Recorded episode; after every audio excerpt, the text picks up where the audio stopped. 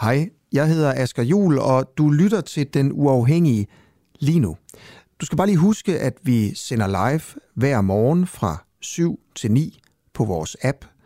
Og på appen kan du også finde nogle af vores andre programmer, der kun er for medlemmer. For eksempel podcasten Spionchefens Hemmelighed, hvor jeg prøver at finde ud af, hvorfor spionchef Lars Finsen er sigtet for at lægge statshemmeligheder. Hvad mener politiet, han har lægget? Hvorfor ordnede man egentlig ikke sådan det her i hemmelighed bag gardinerne? Hvilken rolle spillede Mette Frederiksen egentlig, og hvem er Lars Finsen? Nå, ikke mere om alt det. Du kan høre det i podcasten. Download vores app og bliv medlem, hvis du vil høre for eksempel det her program. Ja, og så slipper du i øvrigt også for den her irriterende besked i din daglige nyhedspodcast.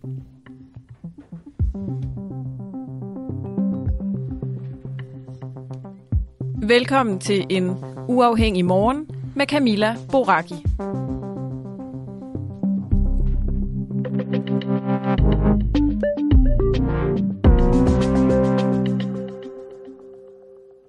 Godmorgen, det er tirsdag den 13. september. Der sker ting i Ukraine, og derfor så starter vi også denne her udsendelse med en dansker, der er bosat i Ukraine. En dansker, som vi har øh, talt med flere gange, især i øh, krigens begyndelse. Han hedder Ronny Gasseholm, og øh, han var blandt andet en, der øh, producerede Molotov-cocktails, altså da krigen begyndte. Men øh, spørgsmålet er, hvordan danskere som Ronny, og altså også dermed alle andre, som er bosat i Ukraine, oplever de ukrainske sejre. For de sidste dage, der er ukrainske tropper rykket hæftigt frem, og øh, russerne de oplever noget, som mange kalder et militært kollaps i Ukraine. Og Ronny Gasseholm, hvor tæt på fronten er du, og godmorgen? Godmorgen. Jamen altså lige nu, der, der er jeg jo pt. i, i, i Danmark, øh, da, da familien er heroppe, men jeg har været tilbage en del gange og skal snart tilbage igen, men, men, men børnene og konen, de er, jo, de er jo i Danmark, så der er jeg lige i Danmark i øjeblikket. Okay. Men, men, men vores by, den er, jo, den er jo snart langt væk fra fronten, kan man sige. Har du, øh, altså de mennesker, du kender i Ukraine, har du fået nogle forlydender fra dem, hvordan de oplever det? Jamen altså, vi kender, vi, vi, vi kender en del, der kæmper ved fronten, ikke? Øh, og og de, de siger jo, de, de gentager jo egentlig bare det, som vi ser i tv, at, at de ukrainske tropper, de rykker frem, frem og så øh, er russerne egentlig bare forladt, eller også er der nogle kampe, og så, øh, så forlader de. Det er det, der sker rigtig mange steder, og så er der, så er der nogle, nogle hæftige kampe andre steder, ikke? Øh, og så kender vi nogen, nogen, der har nogle transportfirmaer, som også fortæller, at de kører egentlig i pendulfart med, med, med ting til de, russiske, eller til, til de ukrainske tropper, og så tager de, tager de beskadigede øh, russiske ting med tilbage, som så bliver repareret rundt omkring. Nu kommer jeg lige med en øh, infantil sammenligning, ikke? men du ved, da Danmark kom langt i, øh, i fodbold-EM, så var der jo sådan en eufori, og jeg ved godt, det ikke kan sammenlignes. Men mærker man en eller anden eufori over, at ukrainerne for nogle sejre i bogen? Det, det, det, det gør man helt klart. Altså, man kan sige, mange, mange, mange af dem, jeg kender, som så også har taget, hvor de så har sendt kone og børn til udlandet, de er jo allerede begyndt at snakke om, at nu skal kone og børnene hjem. Ikke? Øh, og at man siger, det er jo ikke fordi, man, man, man, øh, man, øh, hvad kan man sige, man, det er jo ikke fordi, man skinner bjørnen, før, før den er skudt, vel? men, men altså, de, de, de er meget euforiske med, at, at nu er nu er det, det er forhåbentlig vendt, ikke? men stadigvæk er de også påpasselige på at sige, at øh, de, vi skal jo lige se, om det her det holder, ikke? Mm. Så... Men, men det er, du kan godt, det er ligesom EM. Det er bare lidt større. Ja, ja, selvfølgelig er det det. Det, det er også en, en dårlig sammenligning. Det var bare sådan uh, euforimæssigt, jeg tænkte, at der kunne være noget der. Nå, jamen, jeg, nu glemt, at, da, da folk var på gaden. Det er, det er jo også, altså det er jo ikke fordi folk går på gaden dernede, men, men der er jo fest og, og, og, og glæde i de byer, der bliver befriet. Det, det er, som man ser det på tv, det, det er det, der sker. Altså det er glæde, når, når de ukrainske tropper kommer, når de russiske, da de russiske tropper kom, der er sådan lidt folk var sådan stillesigende og siger, okay, de kiggede på, men det var ikke fordi, de stod klappede hænderne. Og øh, når du skal tilbage, er det så på grund af arbejde, eller skal du, øh, skal du andre ting? det, er, det, er, det er på grund af, at jeg skal, for det første skal jeg ned til vores by. Jeg har igen en hel masse ting, der skal transporteres ned til, til, til folk i byen, der har behov for det. Hvad er det for noget? Til, til, til, Jamen det er, vi har noget, noget, hvad hedder noget, nogle vinterting, der er ved at være klar til, til hvis det, her, det, den trækker jo ind i vinteren, ikke? så vi har en hel masse øh, gasplus, øh, mindre transportabel gasplus, som skal bruges af nogen i, øh, i den her internationale styrke, der er dernede, og så har vi øh, altså, ting, der kan bruges til vinter, ikke? altså vintertæpper, øh, lange underbukser osv., så, så vi, vi gør klar til, at det her det trækker ind i vinteren, og vinteren i Ukraine, den kan altså godt blive kold, som i, i minus 40 grader, kan, kan godt lade sig gøre. Okay. Øhm, altså, da vi snakkede med dig øh, i krigens begyndelse, så øh, havde du nærmest gang i sådan en, øh, ikke en øh, molotov-cocktail-fabrik, men i hvert fald en form for produktion. Altså, øh, kom de nogensinde sådan i brug, eller var det nærmere en sikkerhedsbeholdning, I skabte der? Altså, altså, altså jeg, jeg, jeg tror aldrig, nogen af de her molotov-cocktails i Ukraine egentlig kom, kom i brug. Øh, der var nok mere, øh, det var nok mere propaganda, end, end, end det var reelt øh, noget, der, altså Selvfølgelig kunne det have været brugt, men jeg tror faktisk aldrig, de blev brugt. De er jo også begyndt at blive indsamlet nu af, af herren og militæret, og, og politiet faktisk indsamler dem og sørger for, at de bliver destrueret korrekt. For man kan jo ikke bare hælde dem i toilettet eller kloakken, som, som folk faktisk øh, Det lyder da lidt spild af ressourcer, så, så... at øh, politiet og militæret skal bruge tid på det. Ja, men man, man, bruger, man, man bruger selvfølgelig politiet, og så samler man ind, og så ud til militæret, og så springer de det i luften, eller hvad de nu gør med det. Ikke? Men de gør, man kan heller ikke bare have flere hundrede liter mollecocktail stående hjemme, altså i lejligheder hos private personer. På et eller andet tidspunkt, så sker der et uheld, og så brænder en bygning ned. Så, så, så, så man er begyndt at, at samle det ind igen. Det er, jo, det er jo ikke hele landet, der er i krig, så man har jo rigtig meget personale, der faktisk kan gøre sådan nogle ting. så reparerer jo stadig veje i vores by og infrastruktur. Og når du siger propaganda, så øh, var det en del af at skulle vise både måske omverdenen og Rusland, at, øh, at civilbefolkningen var klar til at gøre modstand også, eller hvordan? Ja, altså, der var ikke nogen, klar, nogen, nogen tvivl om, at civilbefolkningen var klar til at gøre, modst, øh, gøre modstand, men, men det havde nok mere en, en, en pressemæssig værdi, at, at, at det faktisk viste et sammenhold, og at altså, selvfølgelig kunne det komme i brug og ville have været effektivt, men man kan sige, det var, det, der var nok mere sådan propaganda i det, end der var reel udnyttelse i det, fordi man nok godt vidste, at de ikke kom i brug. Vidste du godt det? Altså brugte du også på den uafhængige som propagandamaskine? Det, altså, jeg har jo tidligere sammenlignet det med, at det var lidt ligesom dengang under 2. verdenskrig, hvor man i USA samlede gamle pander ind ikke? Og, og, og, og gryder. De kunne ikke bruges til krigsmaskiner, for det stålet var for dårligt i det. Men altså, jeg vil sige, at det kom bag på mig, at, at, at, at der faktisk ikke var flere af dem. Der, altså, som sagt, jeg, jeg har ikke kendskab til nogen af dem, der blev brugt, men, men jeg troede faktisk, at måske nogle af dem ville blive brugt op i Kiev, hvis russerne kom ind derop. Jeg vidste godt, dem i vores by, at den ville sku, den ville, dem, de ville sgu nok ikke blive brugt i vores by, men de kunne også være blevet fragtet videre, ikke? Øh, så man kan sige, ja, det var sådan lidt. På det tidspunkt, da, da vi var i gang med det, der, der havde jeg nok ikke set, set det større spil lige på den, den heller, men, men, men jeg sagde, at det kunne, kunne godt være potentielt, at det måske egentlig var mere sådan en, en sammenholdsting, at det var vigtigt, at folk holder sammen nu, ikke? Klart. Det giver mening, uh, Ronny Lidt, lidt, lidt, ja. lidt, ja. Så, så ja. Lidt hvad, siger du, undskyld? Jeg siger, det, det, det er lidt ligesom, lidt ligesom i Danmark, ikke? når man siger, at vi skal skrue en lille smule ned for varmen alle sammen. Det er jo også bare sammenhold. Ikke? Kan man sige. Det, det nytter måske ikke så meget på den lange bane, men det gør folk, de tænker lidt over det og, og, og står sammen. Ikke? Fuldstændig rigtigt. Tak for det, Ronny Gasseholm. Altså dansker normalt bosat i Ukraine, PT i Danmark, skal tilbage om ikke ret længe. Held og ja. lykke med det hele. Tak for det. God dag. Tak mod. Hej. Og måske kan jeg lige fortælle, hvad vi ellers øh, har på programmet. Lidt foranledet i af Jo Larsen, som både skriver godmorgen, men som også skriver, ej, jeg vil høre Vibeke Manike, hvad er der sket med hende? Jeg ved ikke helt, hvad du mener med, hvad der er sket med hende jo, men øh, vi skal i hvert fald tale med hende om øh, dronning Elisabeths død og noget med nogle vacciner, og om hun tror, at der er en kobling mellem de to ting. Og så skal vi også tale Arne-pension versus seniorpension, fordi det i går kom frem, at øh, der er en del flere, som benytter denne her seniorpensionsordning, end, hvad skal man sige, Mettes stolthed, altså Mette Frederiksens stolthed, som jo er Arne-pensionen. Vi skal tale med selveste Arne, som jeg jo tænker er lidt af en uh, celebrity. Nå, men altså, vi det. Manike er på klokken halv otte, og Arne Jul, altså den Arne, han er på klokken 20 minutter i 8. Klokken den er blevet snart 9 minutter over 7.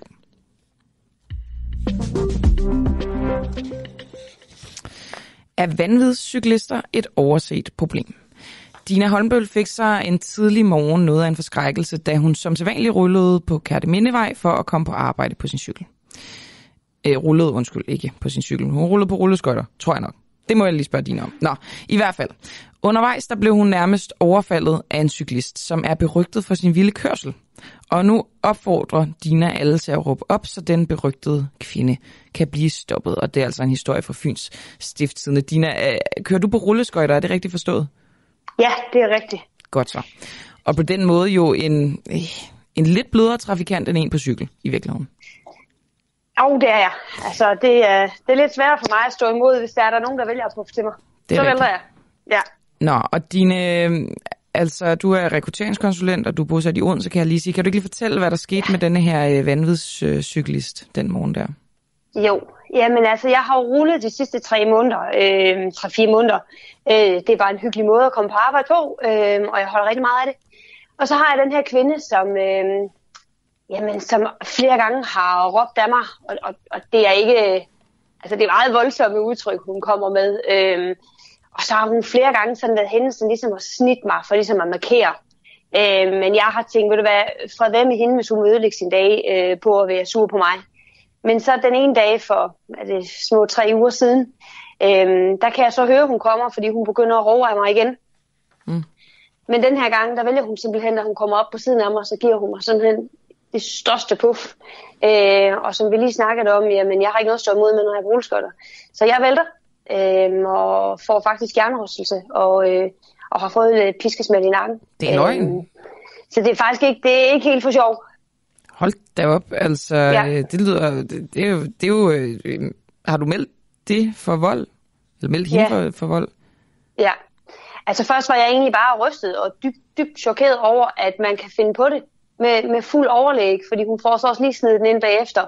Det har du godt af, så kan du lære det. Så man er ikke i tvivl om, at hun, at hun gjorde det med vilje.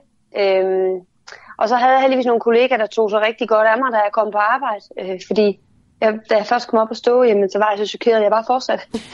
øhm, Altså, og så, så øh, meldte jeg det til politiet. Okay, men Dina, har hun, har hun set sig sur på dig og dine rulleskøjter, eller ved du, om øh, det er generelt, at hun øh, kører rundt og, øh, og, og gør sådan Jeg troede, jeg troede egentlig, det var, det var mig og min uleskotter, der var, der var et, øh, et issue for hende. Øhm, men da jeg så kommer hjem, øh, efter hun har væltet mig den dag, jeg har meldt det til politiet, jamen, så tænker jeg, okay, men jeg er jo nødt til at finde ud af, hvem hun er. Øhm, så jeg laver et, et, et opslag på Facebook i, i nærområdet. Der er sådan en gruppe herude siden Bullerup Adrup, hvor jeg så slår op, at jeg blev væltet af hende, af hende kvinden, og jeg er lidt ude efter at finde ud af, hvem hun måtte være. Og så må jeg bare sige, at de næste to timer er simpelthen øh, non-stop, øh, enten private beskeder, opkald, anonyme opkald og kommentarer på den her Facebook-besked her øh, fra folk, som hun også har forulæmpet, enten øh, verbalt eller fysisk. Så jeg finder jo så rimelig hurtigt ud af, at, at hun er bare vanvidscyklist øhm, og har simpelthen til vane at overfalde folk. Og det har hun haft i mange år. Der er ikke, er der nogen, der har prøvet at melde hende til politiet før? Nej. Politiet siger, at jeg melder hende, og jeg finder jo som sagt ret hurtigt frem til hende, fordi der er rigtig mange, der står frem, både med navn og adresse på hende.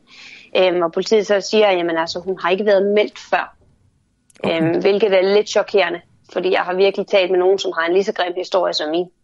Men det er måske det her med, altså nu har der været ret meget fokus på vanvidsbilister. Mm. Øh, jeg har aldrig hørt om vanvidscyklister, og men jeg har set dem. Altså, øh, det, Ja. det skal jeg da være ærlig at sige. Jeg ved, jeg kan jo Mm. også øh, selv have kørt øh, dårligt øh, på den måde. Øhm, men, men tænker du, at det er et generelt problem med vanvidscyklister på den her måde? Jeg tror generelt, at vi er rigtig dårlige til at tage hensyn til hinanden. Lad mig sige det sådan. Øhm, det er som om, at vi, vi er så opslugt af vores egen lille verden og vores egen lille hverdag. Så, øh, så, så det, er, det er alle mand for sig selv. Øhm, så, så det synes jeg er et generelt problem. Og hvad skulle man gøre ved det, tror du? Jamen, jeg tror bare, det er det her med at, at få sagt fra. Altså, vi er for mange, der bare tænker, øh, når det er idioter, så råber vi af folk, ikke? Øh, og så lader vi det være ved det. Men, men det gør også bare, at vi får, vi får dyrket den her adfærd, fordi det har ingen konsekvens. Hende her, hun har i hvert fald været i gang i minimum fire år, Fordi det, det er i hvert fald det tilfælde. Jeg har en ung mor, som har en historie fra fire år tilbage. Og af, der er aldrig nogen, der har, har gjort noget ved det jamen så har hun jo også kunne, øh, kunne have den her adfærd uden konsekvens. Men er der ikke forskel på, at øh, når der er en, der overhælder mig lidt for, for tæt, og jeg lige over, hey, hvad fanden laver du? Og så på hende her, som lyder øh, systematisk, lyder altså øh, aggressiv og, og tilsigtet voldelig nærmest. Selvfølgelig. Altså, for vi skal jo ikke gå og anmelde hinanden for de her små detaljer, men, men altså, jeg synes også, det er okay øh, at sige fra. Altså, så kan man jo selvfølgelig sige fra på den gode og på den dårlige måde. Øh, men jeg tror, bare, det, jeg tror bare, det er rigtig vigtigt, at, øh, at vi netop får gjort noget. Øh, altså, for mit vedkommende, jamen altså, det var ikke lige det, jeg havde lyst til ovenpå en jernrystelse øh, og ondt i nakken, og gå i gang med at begynde at anmelde hende og finde ud af, hvem hun var. Men, men på den anden side, så er min retfærdighedssans også bare så stor, at jeg tænker, at det skal hun simpelthen ikke have lov til. Hvem med dem, du har været i kontakt med, øh, overvejer de at anmelde hende sådan på bagkant? Ja, men den, den, den er jo sådan lidt, fordi at, at nogle af dem, jeg har været i kontakt med, som har de værste historier, jamen det er jo, det er jo folk fra hendes egen familie. Det er naboer. Øh... Og så, du ved, så du ved godt, hvem det er, faktisk? Ja, ja, men det fandt jeg ud af i løbet af to timer. Øhm, okay. Altså, hun er så berygtet, og der, der er så mange, der har så grælde historier, at selvom de ikke selv har gjort noget ved det, så var der jo flere af dem, der sagde til mig, at, at jeg synes, det ville være fedt, eller de synes, det ville være fedt, hvis jeg meldte hende, så hun endelig kunne, kunne blive stillet til ansvar for den adfærd. Så det er simpelthen en øh, lokal skud, Ja, ja, men altså, ja, altså jeg er rystet over, hvor mange der ved, hvem hun er. Øh, både af beskrivelse og, og adfærd, men, men selvfølgelig også med navn. Okay. Mm. Nå, men øh, det bliver interessant at se, om øh, der bliver sat en stopper for, øh, for den adfærd. Du skal i hvert fald have tak for at fortælle om det, Dine Holmbøller. God bedring med, øh, jo, med nakken med hjernerystelsen. Øh, jo, som sagt, regering, øh, rekrutteringskonsulent og bosat i Odense.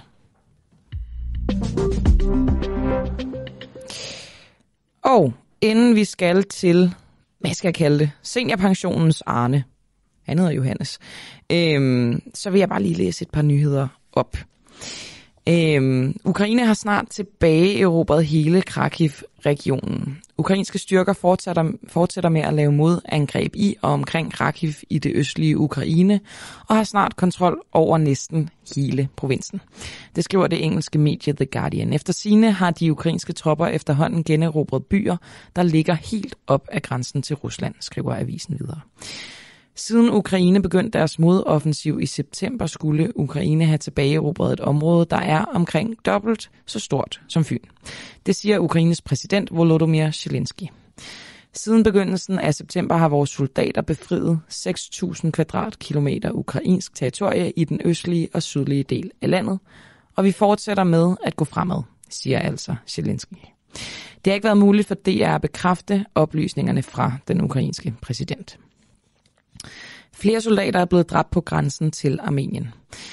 Flere soldater fra Azerbaijan er blevet dræbt ved grænsen til Armenien tirsdag. Det oplyser begge lande ifølge Ritzau. I Armenien mener landets forsvarsministerium, at offensiven kom fra Azerbaijan. Klokken 00.05 tirsdag i gang satte Azerbaijan intensive bombardementer med artilleri og skydevåben med høj kaliber mod armenske militærpositioner i retning mod byerne Goris, Sutk og Yarmouk, lyder det er en officiel melding. Inden det også konstateres, at nabolandet brugte droner. Omvendt mener Azerbaijan, at Armenien har begået det, landet kalder for omfattende undergravende handlinger i de tre distrikter Dashkesan, Kalbejar og Lachin, der ligger i Azerbaijan på grænsen til Armenien. Og så kan jeg lige tage den sidste og tragiske nyhed. En 24-årig mand er død efter et skyderi i København. Den 24-årige mand er afgået ved døden efter et skyderi på Frederikssundsvej i København. Det oplyser Københavns politi på Twitter. Politiet vil være til stede i området for at skabe ro og tryghed i de kommende timer. Et område omkring Frederikssundsvej 25, hvor skyderiet skete, er blevet afspærret af politiet. Og hvis der kommer nyt i den historie, skal vi selvfølgelig nok følge op i løbet af morgenen. Og det kan godt være, at jeg det var den sidste nyhed, men nu har jeg lige fået en ind her, øhm, som er fra de radikale, der foreslår seks tiltag til at bekæmpe den her energikrise, som vi jo står lige midt oveni. Det går for langsomt med at løse energikrisen, mener de radikale, der fremlægger seks forslag i en krisepakke. Partiets næstformand i Folketingsgruppen, Martin Lidegaard, vil lade sig inspirere af tilgangen fra coronakrisen. Blandt de radikales forslag i krisepakken er en hurtigere udrulning af fjernvarme på sigt. Det er da spændende det her. Inspirerer af tilgangen fra coronakrisen. Hvad var det for en tilgang? Det var noget med at øh, asfaltere, mens man kørte på vejen. Det var noget med øh, et forsigtighedsprincip. Nogle nedlukninger. Det er lidt spændende. Jeg tror, vi prøver at få en på for radikale i løbet af måneden. Det er jeg blevet utrolig nysgerrig på, det må jeg sige. Nå, og så øh, har Kenneth fra Ribe skrevet ind, Godmorgen, venter spændt på morgenprogrammet på Radio 4, kører lige nu en historie. Der er en kæmpe appelsin ned i den uafhængige turban, hvor en konservativ rådmand reelt tror, det er med nedskæringer, når de skriver historier om Pape midt under landsmødet. Okay, spændende. Så er vi ude i noget armslængde igen. Jeg ved ikke, hvor, hvor meget en rådmand har af, af magt, men det er da altid interessant, når en, øh, når en politiker begynder på, på den slags.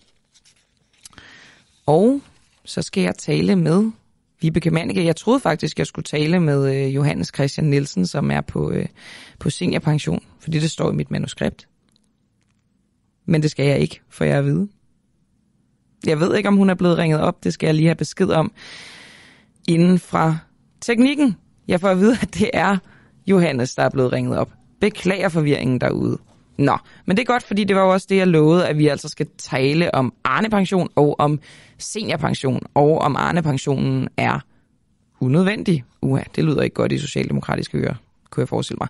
Nå, det har vist sig, at Arne-pensionen ikke er så populær, som regeringen havde forventet. Siden august 2021 har man kunne søge om at få tidlig pension, altså det, der bedre er kendt som Arne-pensionen. Indtil videre, der er det dog kun 7.753, der har fået Arne-pensionen, mens der er 19.903, der har fået seniorpensionen. Og, og den, den her seniorpension, det er altså øh, noget, som er øh, de borgerliges opfindelse, hvorimod at det jo er venstrefløjens opfindelse med den her Arne-pension, nærmere bestemt Socialdemokratiet. Nå, i hvert fald, øhm, den her eksisterende seniorpensionsordning, den er stadig mere populær og giver en højere månedlig udbetaling. Og Johannes Nielsen, som jeg skal tale med nu, han faldt over seniorpensionsordningen sådan lidt tilfældigt, og vil nu opfordre andre nedslidte til at søge den, da den giver 2.700 kroner mere om måneden, end Arne-pensionen gør. Godmorgen, Johannes. Godmorgen. Hvordan blev du opmærksom på denne her øh, seniorpension? Ja, det gjorde jeg egentlig ved det, jeg søgte Arne-pensionen. Ja. Og det, og det gjorde jeg inde på borger.dk. Og ved et tilfælde ser jeg en rubrik, hvor der står seniorpension, og tænkte jeg, why not? Og så søgte jeg det, fordi jeg har de der nedstigningstegn og sager. Og derfor søgte jeg den. Men kunne du se, altså, øh, kunne du læse dig frem til inden på borger.dk, at øh, seniorpensionen var mere lukrativ end Arne-pensionen? Ikke, ikke umiddelbart. Jeg var ikke klar over beløbet, før jeg var færdig at have fået seniorpension. Hvordan kunne det så være, at du søgte den? Fordi det er jo noget med, så vidt jeg har forstået, at øh, der skal ens arbejdsevne jo vurderes ved seniorpensionen, hvorimod hos Arne-pensionen, der er det udelukkende antal år på arbejdsmarkedet. Det var simpelthen fordi, jeg har selv så mange nedsigningsskader, andre knæ og hofte og nakke og sager, så jeg tænkte, at hvis jeg ikke kunne få det, hvem skulle så have det? Mm. Så du tænkte, at øh, det, var, det var nemt nok at, øh, og, Jamen, det var det at få tilkendt den? Det var, nej, ikke at tilkende, men det var nemt nok at søge den. Ja. Øhm, og øh, jeg var klar over, inden jeg begyndte at søge til, at jeg kunne få armepension i det, jeg arbejdede 36 år. Så armepensionen var jeg sikker på. Mm. Altså, du kunne lige så godt give det et skud? Det kunne jeg lige så godt gøre, fordi jeg havde jo min historik, som jeg har, og så tænkte jeg, nu giver du en skud, og så forsøger du. Kan du øh, måske kort uddybe din, din situation, altså hvordan øh, dit liv på arbejdsmarkedet har været, og hvor det er, at du er ligesom endt henne her? Jamen, jeg, har, jeg, har, jeg startede som murlærling, og det, det var jeg i 6, 6 år, og det gjorde jeg i 1976.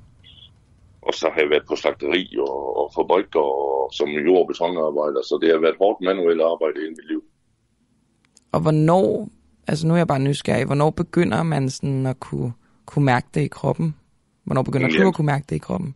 Men det kunne jeg i 2000, der fik jeg en ny, øh, en halv knæprotese i, da min knæ de var færdig. Og det var i 2000. Okay. Og så anledningen, det var jo hen i august, der var jeg så lang tid, at jeg skulle have en ny knæ i, fordi den, var, den der uh, midlertidige halvknæ var slidt op. Okay. Og der stod jeg på at skulle have en ny knæ i, og så tænkte jeg, nej, du har jo de her to år tilbage, så hvorfor ikke prøve at søge?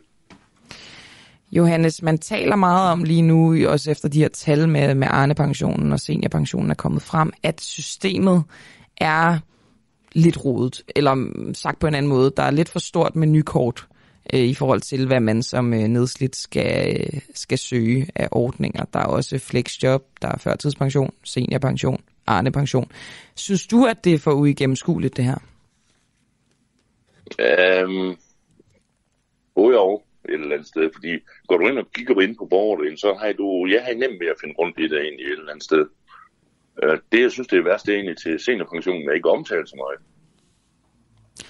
Altså, det vil sige, at folk ligesom ikke ved, at muligheden er der. Ja, det tror jeg et eller andet sted. Det, det virker sådan i hvert fald, fordi at, hører du uh, fjernsyn, tv, presse og hvad det er, så er det arme, man snakker om. Man snakker aldrig rigtig om seniorpension og de præmisser, den har. Så den er simpelthen ikke blevet brandet godt nok, men den er jo også lidt ældre, kan man sige. Arne er jo en, øh, en nyere opfindelse. Ja, eller er det fordi Arne har en fornemt tilgang? Jeg ved det ikke. Hvordan det? Jamen altså, Arne, der kan du jo få det bare, du har arbejdet de her øh, 42 øh, år, eller 43, eller meget nu er 42. Og så kan du bare få den og søge den, uanset om du er syg eller ej. Øh, tilgangen er nemmere jo. Ja, den er nemmere, det, det er nemmere at blive, øh, blive, blive tilkendt Arne pension. Det er det nemlig for en seniorpension, der skal du jo have de skavanker, og du skal jo igennem en lægelig vurdering, og hvad vi er, for at få seniorpension. Ellers får du ikke. Men tænker du, at det er en fordel eller en ulempe, at øh, man skal vurderes på den måde? Øh, det, det synes jeg ikke. Jeg synes, det man skal vurderes et eller andet sted, fordi øh, øh, vi har jo alle sammen i vores land behov for at yde det, vi skal yde et eller andet sted for at have det samfund, som vi har. Og så synes jeg kun, det er retfærdigt, at man bliver vurderet, om man kan blive det tilkendt. Så du synes faktisk, at Arne-pensionen er en dårlig opfindelse, til trods for, at du jo er en Arne i godsøjne? Jamen, det vil jeg ikke sige, for havde jeg nu ikke på pension, så havde jeg været sikker på, at jeg kunne gå på arme, så jeg vil ikke sige, at den er omsonst et eller andet sted. Okay, så det er en god backup? Jamen, det er det et eller andet sted, fordi uh, havde det ikke lykkes mig, så har jeg jo stået og skulle kæmpe videre på arbejdsmarkedet indtil jeg er 67, og jeg er 63 i dag, og det tror jeg altså ikke, jeg har kunnet. Men du sagde så også, at det var fuldstændig givet, at du skulle have seniorpensionen, fordi du var, du var så nedslidt, så, så på den måde er det vel ikke så problematisk? Altså, mm, jeg ved ikke, altså sagt på en anden måde, tror du, at seniorpensionen taber nogen på gulvet, som egentlig var berettiget til at få den?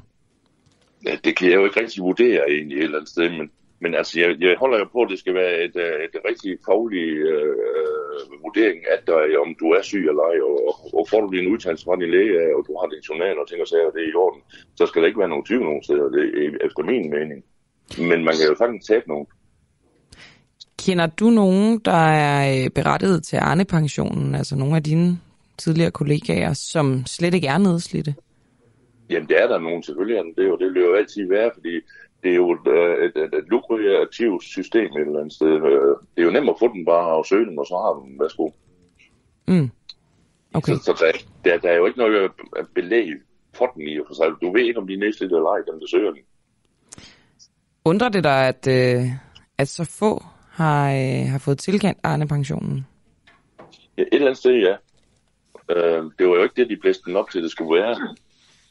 Nej. Men jeg, jeg vil næsten tro, det er nok uh, altså et eller andet sted, uh, det sølle beløb, du får som, som arme pension, det kan du jo hverken leve eller dø af snart. Mm. Så et eller andet 2700 kroner er mange penge i min verden. Ja, det, det, tror. det tror jeg da, det er for, øh, for de fleste. Det er jo, øh, ja, så vidt jeg husker, over 30 30.000 på et år. Ja. Det, er, ja. det er ganske betydeligt. Det er det jo, og det, ved, ved de 2700 kroner kan jeg bibeholde i hvert fald min levestandard indtil jeg er 67. Mm. Og, og det vil jeg da hellere, som øh, vi skal til at vurdere, har du nogen råd til at tage på ferie, eller skal vi holde op med at hele, være helårskampist, eller hvad vi er. Hvis seniorpensionen, der er jeg sikker på, at jeg kan fortsætte mit liv, som det er. Vil du gå så langt som at sige, at øh, altså, man må sige, at Socialdemokratiet har brugt denne her, øh, at de har forhandlet den her Arne-pension øh, hjem og indgået en aftale om det. Vil du sige, at de øh, har pyntet sig med lånte fjer i forhold til, hvad aftalen er? Jeg vil, jeg vil sige, at den er ikke som det, jeg havde håbet, den var dengang, den kom frem. på en eller anden måde. Altså, jeg synes ikke, altså, med det du alle kan søge den, om du er rask eller syg, så er den jo ikke retfærdig i min verden. Der skal du bare opfylde betingelserne, og så er du det. Så hvordan, hvis øh, du skulle skræddersy en Arne-pension, hvordan skulle den så se ud? Jamen, der skal der jo være et, øh, et, et, et, øh, kompetent udvalg, der sagde vurdere, om du nu, sammen med din læge, om du nu var berettiget til det eller ej. Ligesom ved seniorpensionen. Yes. Men så er der jo ikke noget at falde tilbage på. Du var selv inde på det, det her med, hvis du ikke havde fået tilkendt seniorpension, så kunne du falde tilbage på Arne-pension, for den var du garanteret. Men jeg det ved det godt, men jeg, jeg ved ikke rigtig, hvordan man kan skræddersy det et eller andet sted, men så vil jeg have, at du skulle kunne dokumentere om men så er du lige langt igen, ikke også? Mm. Så den er lidt svær. Men du er Øhm. som udgangspunkt tilhænger af, at det ikke bare skal være dit antal år på arbejdsmarkedet. Ja, men det er jeg tilhænger af, fordi et eller andet sted øh, er det jo nogen, der har hårde jobs som andre, det må vi jo erkende. Og, og øh, man skal lave et system, som, som virker i fremtiden også. Vi, jeg har en søn, der er tømmer, han øh, er den sidste 30 år også ved nedsat, så alt håndværk og hårdt arbejde, det er jo hårdt at være her. Mm. Og, og det er jo nogen, der kommer nemmere igennem som andre. Det er rigtigt. Det er fuldstændig andet rigtigt. Et eller andet sted. Så hvordan man vurderer det? Jeg, jeg synes, en lægelig vurdering er, om du er syg eller ej, eller om du kan magte dit arbejde eller ej. Øh, det skulle være nok et eller andet sted. Okay. Jamen, øh, det, er, det er en interessant snak, det her, Johannes Christian Nielsen, altså øh, modtager af seniorpension. Tusind tak, fordi du var med til at fortælle. Ja, velbekomme. God dag. God dag til dig. Hej. Hej. Hver dag efter morgenudsendelsen kan du høre et særligt udvalgt interview i vores podcast Den Uundgåelige. Interviewet er valgt, fordi det er det bedste, det vigtigste eller mest interessante. Altså, gælder, gælder ejendomsretten ikke for dig, Ibi Pibi, bare fordi du er kunstner? Jo, jo, selvfølgelig gør den det, og det er klart, at hvis der skulle være et, øh, et efterspil, så står jeg, så står jeg naturligvis øh, til rådighed for domstolen, og jeg øh, forholder mig til de, til de følger, der måtte komme. Det står jeg 100% til ansvar for.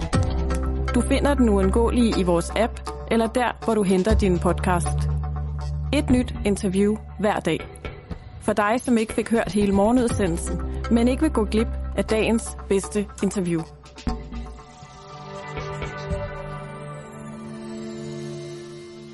Nu skal vi videre til øh, Vibeke Manike, men jeg læser lige en sms fra Liva op først i forhold til det her med Arne-pensionen. Liva spørger, er det ikke lidt underligt, at de fleste, der går på Arne-pension, kommer direkte fra efterløn og ikke fra beskæftigelse? Jo, måske. Måske er det. Det, øh, det var i hvert fald nogle øh, tal, der kom frem i går, at øh, størstedelen af dem, der har fået tilkendt Arne-pension, de kommer fra efterløn. Og øh, så spørger Liva videre, bliver det ikke lidt biased at spørge Arne, altså Arne fra plakaten, Arne som lægger navn til, til, øh, til den her ordning, øhm, bliver det ikke lidt biased at spørge Arne, som risikerer at tabe ansigt ved at være for kritisk? Gør han det? Han kan også, øh, han kan også være en, der er blevet, øh, blevet udnyttet i en kampagne, i princippet. Det ved jeg ikke. Det må vi jo høre, når, øh, når vi taler med ham, men, øh, men tak for din besked og gode pointer, Liva. Og altså nu til Vibeke Manike, der er læge og øh, forfatter til bogen Korobo. Korobo, hedder den det? Det skal jeg lige spørge hende om. Nå, og debattør. Godmorgen, øh, Vibeke Manike. Korobo, er det sådan, man udtaler det? Øh, godmorgen. Ja, den hedder Koro på, men jeg vil sige, at den sidste, der udkom, det er i censurens skygge blegner demokratiet. Så det er den mest aktuelle bog. Godt så. Jamen, så fik vi også det med. Så er alt, som det skal være. Nå, prøv at høre. Da øh, dronning Elisabeth hun afgik ved døden i en alder af 96 år den anden dag, så varede det ikke ret længe før, at du fattede mistanke ved dronningens død. Du skrev på din, øh, din Facebook, del, del og atter del. Hvilket batchnummer Corona Booster fik dronning Elisabeth? Ja, det kan jeg så ikke svare på, men interessant er spørgsmålet. For vi ved, at nogle vaccinebatches, parentes sendinger, giver langt flere bivirkninger end andre. Voldsomt mange flere herunder død som en bivirkning. Max Schmeling har lavet et enestående arbejde ved at grænske forskellene på vaccinebatches, Pfizer, og bivirkningerne. Meget voldsomme forskelle. Det har åbenlyst ikke interesseret medierne, myndighederne eller regeringen, men det bør interessere alle. Så øh, har du selv valgt at slette det her opslag igen, Vibeke Manneke, eller er det Facebook? Nej, nej, nej, nej. Jeg, jeg har ikke slettet noget. Man kan sige, at jeg har ændret det i forhold til dronning Elisabeth, fordi i virkeligheden kan man sige, at det er jo en detalje, og for, for praktiske gørmål egentlig en ligegyldig detalje. Det gjorde så, at Magnus Heunicke vågnede op. Men hele omdrejningspunktet er jo netop den sidste del af teksten, nemlig det forhold, at øh, efter det her meget grundige arbejde, kan vi se, at der er nogle batches, altså nogle sendinger af de her corona-injektioner, som tegner sig for en meget stor andel af de indrapporterede bivirkninger. Mm. Og det er nogle oplysninger, som Sundhedsministeriet har fået, Epidemiudvalget, Sundhedsudvalget, Sundhedsministeren, Lægemiddelstyrelsen, og man har indtil dags dato ikke taget det alvorligt. Og det synes jeg er bekymrende. Det med øh, dronning Elisabeth, jamen det er jo sådan set bare et legitimt fredeligt spørgsmål. Men men er det det? Altså har du nogle indikationer på, at der skulle være en sammenhæng med hendes coronavaccine og hendes død? Det aner vi ikke noget om. Det er, jo, det, det er jo derfor, jeg siger, at det er et meget fredeligt spørgsmål at stille. Det vi ved, det, det, det er, det jo ikke, fordi et, et hvert spørgsmål vil der jo ligge altså en motivation. Spørgsmålet vil jo altid være, når jeg spørger dig om noget, så er det altid motiveret af et eller andet, ja, ja, som jeg er nysgerrig ja, ja. på, af en men, årsag. Så på den måde, så fanger du jo også nogens opmærksomhed ved at lave den kobling. For du kunne spørge ja, om alt det, ellers. Du har udvalgt jamen, dette altså, spørgsmål, så hvordan kan det være? Jamen, det som jeg siger, det er jo fordi, at det er et helt legitimt spørgsmål at stille sig i en situation, hvor vi altså har fokus på, at der er nogle sendinger, som afføder langt flere bivirkninger end andre herunder død. Når jeg så stiller spørgsmål, så kan du sige, hvad kommer det egentlig sagen ved? Jeg synes, det er et helt, som jeg siger, legitimt spørgsmål at stille, men det er egentlig ikke det, der skal tage fokus for det, der er sagens kerne, og det, som jeg synes burde bekymre hele befolkningen, verdensbefolkningen, fordi det er jo et, et, et problem, som er langt mere omfattende end for Danmark. Men hvorfor har du så egentlig ikke, altså hvis, øh, hvis vigtigheden er omvendt i dit Facebook-opslag, altså sekundært dronning Elisabeth og øh, først og fremmest det, du fortæller om her, hvorfor har du så øh, skrevet dronning Elisabeth på som det første? Var det for blikfang?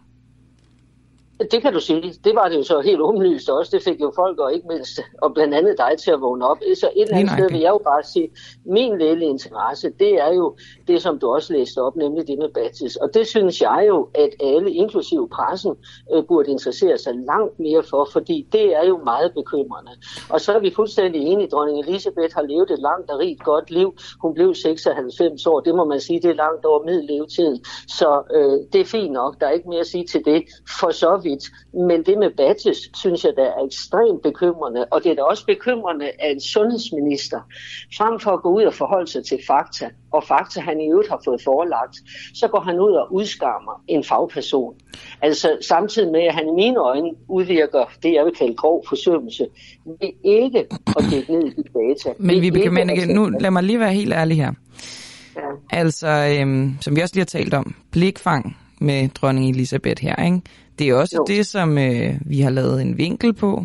Det er også mm. det, alle mine spørgsmål går på. Så jeg er faktisk ikke mm. sådan, hvad skal man sige, researchet og forberedt på et interview om de her badges, hvilket irriterer mig lidt, for jeg synes, det lyder interessant. Ja, det, men prøv at høre, det, det, det, jo, ja, jamen det bør det jo gøre, men det, derfor så kan jeg bare simpelthen heller ikke forstå, hvorfor at, altså det for, forskruer jo også lidt, hvad skal man sige, øh, budskabet i dit opslag. Nej, det gør det da ikke. Det gør det da ikke. At, det gør det da ikke. Det at der, er det, her blikfang, fordi det er jo, det er jo altså, ja. det at men, men, koble dronningen stød sammen med vaccinerne, det er jo selvfølgelig noget, som vækker vores interesse. Hvor ved du det ja, fra? Hvad peger på det? Men, hvad er dokumentationen for det? Så er det ikke på en eller anden måde lidt ærgerligt at skrue, eller at, at ligesom inddrage det i dit opslag, når der er noget, der er meget vigtigere end det? Jeg synes, det er endnu mere ærgerligt, du indrømmer det jo selv, at, at, at I ikke forbereder jer på det, som er det reelle indhold i opslaget. Jamen, det er vel, fordi øh, du selv har prioriteret, altså. Det er jo, det er jo det, klart, det, jeg, jeg det er det jo ikke, det er jo det, du har skrevet aller, aller først. Så er det jo klart, at man tænker, det er vel det, der er det vigtigste. Øh, så, men du læser jo selv resten op, men jeg tror ikke, vi kommer meget længere, fordi som, jeg kan kun gentage mig selv.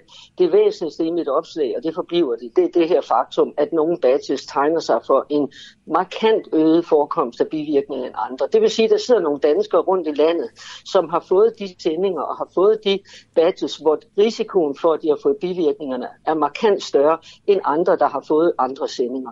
Det synes jeg, der er et voldsomt folkesundhedsmæssigt problem, som burde, at I vågnede op, at sundhedsministeren vågnede op, osv. Du har den undskyldning, at du har ikke vidst det før. Men det har sundhedsministeren. Da han går ind og deler det opslag, der er han bekendt med de data. De har fået dem forelagt gentagende gange, og de har fuldstændig ignoreret det.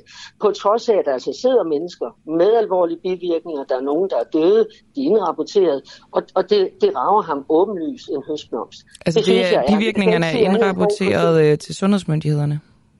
Til Lægemiddelstyrelsen, ja. Man okay. indrapporterer bivirkninger, og det er jo ja. toppen af isbjerget. Og det vil sige, at hvis du går ind og så, og det er jo det, Max Melling har lavet et fantastisk arbejde, hvor han har gået ind og set på, hvor har vi bivirkninger, som er relateret til hvilke sendinger. Hvem er ham her, Max Schmeling egentlig?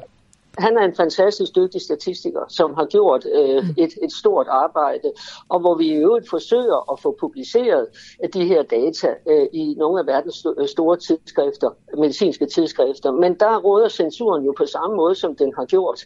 Hvorfor egentlig? Godt spørgsmål. Øh, normalt har man jo en procedure, der hedder, at hvis øh, vi sender, det kan jeg godt sige, det til det øh, tidsskrift, der hedder NIME, eller New England Journal of Medicine, et af mm. verdens største medicinske tidsskrifter, så har man normalt en procedure, at man sender det til peer review, det vil sige andre læger og ja, fagfolk, de kigger på det. I det her tilfælde tager det nej en halv dag at melde tilbage fra chefredaktøren, at det studie har ingen interesse. Så sender vi det til JAMA, som er et andet stort medicinsk tidsskrift, fantastisk velfunderet og, og veldokumenteret øh, lille letter, som man kalder det, øh, og det tager dem så retfærdigvis to dage at melde tilbage, uden at det har været omkring peer review. Det vil sige, at man går ind og censurerer og siger nej tak for Hvorfor skulle man gøre det? Hvad, hvad vil interessen være? Du kan jo kun gætte, men hvad vil du tro? censur, at man har et narrativ. Hvad, hvad, hvad Jamen, hvad, hvorfor skulle man censurere? Jamen, jeg, jeg spørger dig, hvad er Magnus Heunicke's interesse i ikke at gå ind i det her voldsomme folkesundhedsmæssige problem? Jeg har ikke svaret. Jeg kan kun sige, at det er censur. Fordi jeg kunne forstå, hvis man for eksempel med de to Men ved censur, der øh, kommer jo altid en. Der er jo altid en eller anden form for interesse i, hvorfor man censurerer ja, ting. Ja, men, Så hvis du skal to... komme med dit bud på, ja, det er jo dig, der er inde i det der, det er dig, der bliver udsat for det. Hvad ja, ja, tror du, censuren skyldes? Jeg, jeg tror, den censuren skyldes, at man har kørt på med et ekstremt vaccinationsnarrativ, som har heddet, det her er fuldstændig uproblematisk. Og når så der kommer nogle data, der viser, at det er det bestemt ikke, og der måske endda også kan være noget, man kan udfordre i forhold til det, øh, øh, sendingerne, altså hvorfor er der nogen, der giver meget, øh, flere, mange flere alvorlige bivirkninger end andre, så tror jeg simpelthen ikke, man ønsker øh, den diskussion. Man er bange for den diskussion. Og de to medicinske tidsskrifter er jo amerikanske tidsskrifter. Øh, så, så jeg tror, jeg, jeg, igen det bliver en tro, men jeg havde jo selvfølgelig mere respekt for det, hvis det havde været igennem peer review, og man så havde sagt, ja, men det er regnet forkert ud, eller der er mangler et komma, eller et eller andet. Men her går chefredaktøren ind på trods af, at det er så alvorlige data, og på trods af, at det er så veldokumenteret, velgennemarbejdet osv., så, så går man ind og siger nej tak i løbet af en halv men, Men er der Jeg ikke har... også en mulighed for, at de simpelthen ikke vil bruge tid på at, at få den peer-reviewed, fordi de kan se på forhånd, det her det øh, vil aldrig gå igennem, så det kan være ligegyldigt? Altså, der er vel også nej, en eller anden bagatelgrænse for, hvor, hvor, hvor meget tid man vil bruge på ting bagatelgrænse. Vi, vi taler om nogle virkelig alvorlige data. Jamen, der skal så også være en eller anden validitet, hvis de nu vurderer, at det er der ikke. Altså, Nå, det kan de umiddelbart se det kan de jo ikke, det kan en chefredaktør ikke. Problemet er, at det er jo derfor, han skal dykke ned i data. Mm. Pointen er jo, at validiteten i det her er jo, det her er jo data fra Lægemiddelstyrelsen. Det her er jo offentlige data. Det er jo ikke noget, vi har siddet og fundet på en, en stille aften, hvor vi ikke havde andet at bestille. Det her er jo data fra Lægemiddelstyrelsen. I virkeligheden må man jo sige, at det burde jo være Lægemiddelstyrelsen, som selv kom ud med de data. De har lige trukket et andet batch fra, øh, tilbage fra markedet, øh, noget hjertemedicin, fordi det gav nogle alvorlige bivirkninger. Det trækker de tilbage uden at blinke. Her har vi altså nogle batches, som dokumenterbart, og det er ikke noget, vi har fundet på. Man kan selv gå ind og efterprøve data øh, fra Lægemiddelstyrelsen, som giver så mange flere, voldsomt mange flere bivirkninger end andre. Det bør jo få en, en hver retskaffen, også med, ikke mindst sundhedsminister, til at stoppe op, eller formand for epidemiudvalget til at stoppe op og sige, hvad pokker har vi gang i? Det skal vi selvfølgelig undersøge. Og vi Menneke, altså, jeg har lige fået en ret interessant øh, sms fra Ulrik, der siger, hvad er det for noget vaccinehysteri, I er med til at fremme? Og med I mener han jo nok dig og mig. Øhm, sundhedsmyndighederne har mekanismer til at spore den slags. Pas på ikke at være med til at mistænkeliggøre myndighederne uden research og dokumentation. Og det er jo rigtigt. Det kommer vi til at lave på bagkant. Det er fordi det her interview er gået i en anden retning, end der egentlig stod på mit papir. Det er jo så sådan, det er. Men måske du kan svare, altså vi har lavet et, et kæmpe research det, så, så det er ham, der ikke ved bedre, det kan jeg ikke svare på. Altså, e, e, en foldighed, det, det er jo det, vi er op imod. Det her handler jo om data, der er blevet gennemgået minutøst. Så det her er jo ikke noget med at skabe en vaccineskræk. Det, det er jo lidt, jeg sammenligner lidt med, du har nogle biler, som ikke kommer igennem de sædvanlige øh, hvad hedder det, øh, godkendelse og sikkerhedstest og så videre. Det, det handler de her coronavacciner jo om. Og så finder du ud af, at øh, tre af dem, de øh, bryder sammen midt i det hele og går i brand. Så vil enhver jo sige, det trækker vi tilbage, det undersøger vi, hvad er det? Og det er jo præcis det, vi taler om her. Der er altså nogle sendinger af de her vacciner, som har markant flere og alvorlige bivirkninger herunder død. Det burde få enhver retskaffen, faktafokuseret sundhedsminister, sundhedsmyndigheder til at gå ind og sige, hov, det ser ikke godt ud, det skal vi have grænsket. I stedet ikke, så øhm, forsøger man at lukke diskussionen, og, og jeg kan jo ikke stå ind for, at, at den her Ulrik, der skriver til jer, ikke kender data. Nej, nej øh, men, men Ulrik beder også om at have styr på data, og det kan han egentlig godt kræve, fordi vi er et medie, der selvfølgelig skal have styr på research, og det derfor så vil vi gerne gøre det på baggrund, og derfor vil jeg lige afslutte med at spørge dig, Vibeke Manneke. Kunne du ikke tænke dig at sende jeres øh, sammenholdning af data, altså det, I har fundet ud af til os? Det er jo et meget stort, øh, dyrt værk, Max Welling har lavet, som han har sendt. Jeg synes, at han skal sende, jeg skal bede ham om at sende alle de skrivelser, han har sendt til epidemiudvalget, til de forskellige ja. myndigheder. Det er jo rigtig mange øh, skrivelser, han har sendt, og han har kun fået, skal man sige, flabede svar. Så det skal jeg bede Max Welling om. Den, også gerne øh, de flabede svar. Det kunne også være interessant ja, ja, at se. Ja, jeg beder ham om at sende det hele. Den, det lyder rigtig den godt. Den artikel, vi er ved at, at få publiceret, øh, den håber jeg, at den bliver publiceret snarest, og så skal jeg også få det link. Tak skal du have, Vibeke Menneke. Selv tak. Selv tak. Læge og øh, debattør. Og ude var hun således. Godt. Altså, jamen det er jo rigtigt nok, altså som øh, det også bliver påpeget, at øh, det er jo meget noget med at have research og have dokumentation og så videre på plads, når man laver den her slags interviews. Det er jo, altså, man kan sige, jeg ved ikke, om I har bemærket, hver gang man nævner noget med corona og vacciner på sociale medier, så er der sådan en lille, øh, lille batch, det kommer helt automatisk, at man skal kontakte sundhedsmyndigheder osv. Det burde der jo også være her. Der kan sige det i stedet, at man kan gå til de relevante sundhedsmyndigheder og læse nærmere om vaccinerne, hvis man har lyst til det. Det sagt, så er det her selvfølgelig noget, vi efterprøver. Det er jo, øh, det er jo nogle voldsomme beskyldninger, som øh, Vibeke Mann kan fremstille, og derfor kunne det også være interessant at se deres pointer fra det studie, de har lavet, altså hende og Max Schelling, og så øh, se, om det har noget på sig. Nu skal jeg videre til Arne, altså den Arne, altså Arne Jul, tidligere bryggeriarbejder og ansigt på Socialdemokratiets kampagne for tidlig tilbagetrækning.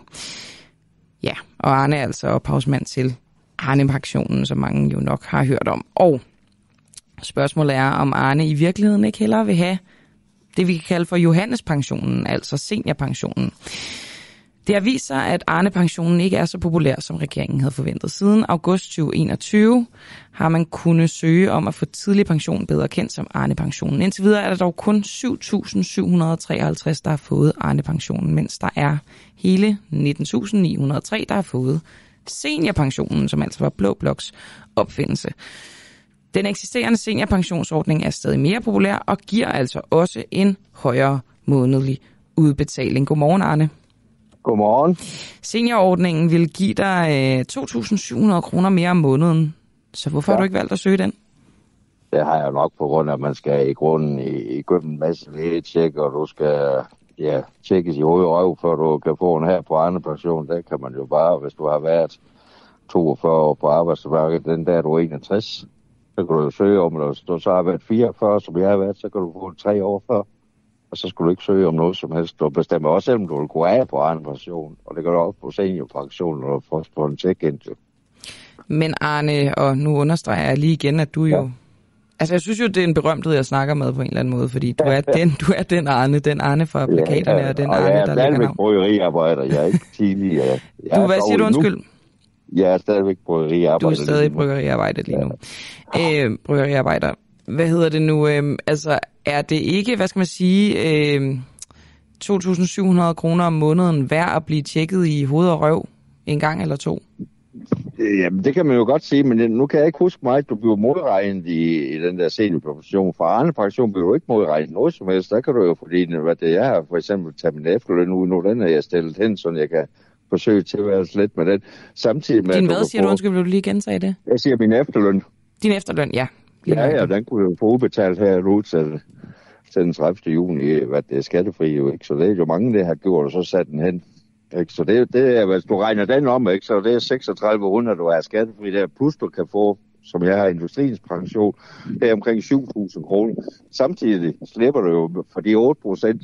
Så jeg har regnet på, at det er et sted med 2-3.000 brutto om måneden, jeg sætter til, ikke? Men vi bruger jo ikke så mange penge mere, når man er kommet op i den overgang, som man er. Mm. Men det lyder også som lidt af et, øh, et regnestykke på en eller anden måde. Altså, ja, ja. Det er svært at gennemskue, ja, ja. hvad der er mest lukrativt for en.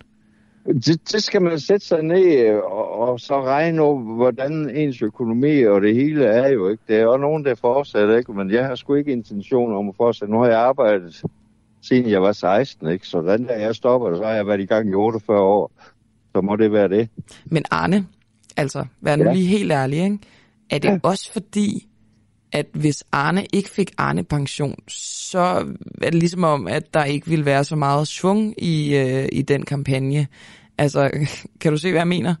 På en eller anden måde. Kunne det også have noget ja. at gøre med, at du øh, bliver, bliver ligesom nødt til at være på Arne pension? Nej, det er ikke noget, jeg er nødt til. Er du, er du sikker, det er, jo din, det er jo din pension, kan man sige? Ja, ja, det er ikke, men dengang var det... Øh, jeg blev ophavsmand til, der er jo ikke regnet med, at den skulle blive så vanvittigt stor, som den blev. Mm. Det var jo helt, helt vanvittigt. Og jamen, det tænker jeg, den, den kommer jo nok op og køre igen her, når de trykker på op. Er det egentlig noget, du tænker, åh oh, ja, lad det blive et tema igen, eller tænker du mere, åh, oh, gid de bare kunne snakke om elpriser? Jeg synes, det er dejligt efter, som efterløn, den er blevet totalt ufuld. Du bliver modregnet i hovedrøv i den efterløn, på grund af de borgerlige, de har lavet en total om, ja, og så har vi så lige, hvad det her, Paul, der også lige har en finger med, inden dengang han var statsminister. Ikke? Men hvis de nu havde ladet den være dengang, så var en pension slet ikke blevet op på den. De kunne jo bare have ladet efterlønnen være, og så, som jeg har sagt hele tiden, hvis man vil arbejde 20 timer, så bliver du bare at modregne 20 timer efterløn. Så har det ikke været den ar- været det her arbejdsmangel, som der er i dag. Mm. Så det er ifølge dig, altså de borgerlige skyld, at man er blevet nødt til at lave Arne-pensionen? Ja, det jeg siger, det er sgu deres egen skyld, for de har uhulet efterløn. Så hvis ikke de havde gjort det, det så havde Arne-pensionen slet ikke været, øh, været nødvendig? Det tror jeg ikke, den har været. Ja, jo, så har det måske været kommet noget andet for alle dem, der ikke har betalt ind til efterlønnen. Jo. Ja, Men vi er jo den ja, fordi... generation, der har været med, dengang den startede der i 78 eller sådan noget. Jo ikke. Ja, så de fleste vidste godt, ja. at det, det skulle de, hvis, øh, hvis der var chance for, at de blev nedslidt. Ja. Okay, så, så der er ikke noget i dig, der øh, overvejer lige at tage regnemaskinen frem igen, og så, øh, og så lige se, om øh, det bedre kunne betale sig med seniorpensionen? Nej. Hvad tænker du med det her om, at, øh, at de fleste, der har fået tilkendt Arne pension, de kommer ikke fra beskæftigelse, de kommer fra efterløn? Jamen, det er på grund af, at det er mere efter 30, der kommer over på Arne pension, det blev de ikke modregnet. Det er, at når de bliver modregnet i efterløn, så får de jo mindre, som de får på Arne pension. Mm. Så det er det... derfor, de går fra efterløn til Arne pension. Så det giver fin mening? Yes. Jamen, øh, det tror jeg var det, Arne Jul. Ja, tak altså skal igen, øh, den, den Arne har jeg lyst til at sige. Ja. Øh, altså, den Arne, I kender fra plakaterne. Den Arne, som ja. bliver nævnt er meget ofte i, øh, i debatten. Så øh, tak, fordi du var med. Velbekomme. Og altså øh, ophavsmanden til Arne-pensionen. Og han synes altså stadig, at det giver god mening, og det må jeg bare sige. Det kan godt være, at han afviser, at, øh, at han skal være på Arne Pension. Men altså, der må jeg bare sige, det ville, se, øh, det, det ville altså være et slag for Socialdemokratiet, hvis Arne ikke gad være på Arne Pension. Ja. Godt, nu skal jeg videre til øh, borgmester i Hørsholm Kommune. Han hedder Morten Slotved. Og øh, nu skal jeg lige finde mit manuskript, som jeg faktisk ikke kan finde. Det bliver altid lidt problematisk, fordi øh, ja, ja, godt nok har vi øh, både læst og researchet, men øh, når man sidder sådan her med en række af historier, så kan det være en lille bitte smule svært at huske, øh, hvad det er, vi skal tale om. Så vidt jeg husker, så er det noget med et, øh, et udrejsecenter i Hørsholm. Men så vil jeg ikke sige mere, fordi så øh, kan det være, at jeg vildleder det, vi skal tale om. Nu sidder jeg i virkeligheden bare og padler, indtil jeg får et øh, stykke papir i hånden. Og nu er der nogen, der løber ind til mig. Og så kan jeg sige, at jeg skal tale med borgmester i Hørsholm Kommune, som sagt Morten Slotved fra Konservative, og jeg skal spørge, om udlændinge- og integrationsministeren har ført flere kommuner bag lyset, blandt andet Hørsholm. Udlændingsstyrelsen har nemlig besluttet at placere en gruppe afviste asylansøgere, som kan lide af psykisk sygdom og være dømt for alvorlig kriminalitet i udrejsecenter Sjælsmark, som ligger i Hørsholm Kommune. Men den her beslutning, den har kommunen ikke været en del af. Godmorgen, Morten Slotved. Godmorgen, godmorgen. Beklager det her lidt lange indløb. Øhm, Morten, hvad synes du om, at øh, din kommune ikke har været involveret i den her beslutning? Jeg synes jo, det er en mærkelig beslutning. Vi har øh, prøvet at have øh, udvist øh, asylsøgere til at være ude på Sjælsmark, og der havde vi store problemer. Og, øh, og nu får vi jo den hårdeste gruppe af øh, asylsøgere ude på Sjælsmark. Og, øh, og det er jo et eksperiment, som, som man ikke tager tænke over. Og, og vi kender jo erfaringerne over for Vejle, hvor, øh, hvor, hvor det i hvert fald slet ikke var nogen succes. Øh, så jeg forstår ikke det her med, at man med to timers varsel bare for at vide, at nu sender vi en pressemeddelelse ud fra Udlændingsstyrelsen og siger, at øh, vi har placeret dem i Sjælsmark. Hvor mange timers varsel havde gjort det okay? Jamen, der er vel ikke noget varsel. Jeg tror, man skal have en undersøgelse af sådan noget. Altså, de har prøvet jo på at sige, hvor, hvor er det, det skal være henne. Og, øh, og der var en institution oppe ved Vrå, hvor man har undersøgt, hvad er mulighederne, og øh, prøvet at køre den proces. Og, og Folketinget har jo faktisk selv sagt, at det er meget vigtigt, at vi har en grundig øh, diskussion med lokalbefolkningen og med øh, det lokale demokrati, inden man placerer den type flygtning. Nu tillader jeg mig på, lige at afbryde dig lidt, Morten Slottet. Jeg kan simpelthen ikke øh, forestille mig nogen naboer, som synes, at det vil være festligt. Det er jeg helt enig i. Jeg tror heller ikke på, at det her er en god løsning nogen steder. Og, Men de skal jo og, være og et eller andet man... sted, så hvorfor er Hørsholm ikke et øh, lige så oplagt sted som alle mulige andre steder? Vi har Danmarks største koncentration af flygtninge i området ude ved landsbyen. Øh, der ligger en Sandholmlejr, hvor der er plads til 600 flygtninge, og der ligger Sjælsmark med 700 flygtninge. Og at placere nogle psykisk sårbare syge øh, er, er ikke en løsning, der, giver, der, der virker. Og kigger vi på de muligheder, så har Folketinget selv sagt det den 17. november sidste år, hvor de sagde, at, at vi bliver nødt til at have en grundig, og det det er Socialdemokratiet selv, der har sagt, at vi skal have en grundig dialog med både borgere og lokaldemokrati. Og nej, det har vi ikke fået. Vi har fået to timers varsel. Jeg synes simpelthen, at det er magtfuldkommet i forhold til, hvad er det for en, en vinkel, vi ønsker, og hvordan er det, vi vil have en dialog med vores borgere og med lokalsamfund. Har I de været i kontakt med dig og med jer sidenhen? Nej, ikke overhovedet. Okay, så der har ikke været nogen dialog? Nej, de har lovet i en, uh, i en pressemeddelelse, at nu vil de tage initiativ til et uh, borgermøde ude med de lokale borgere. Og jeg er i kontakt med nogle af de lokale borgere for at høre, hvornår, hvornår kommer det borgermøde, men, men det har de heller ikke hørt om.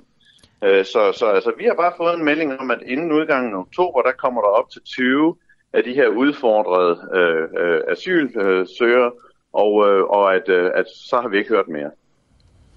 Hvor vil du placere de her mennesker?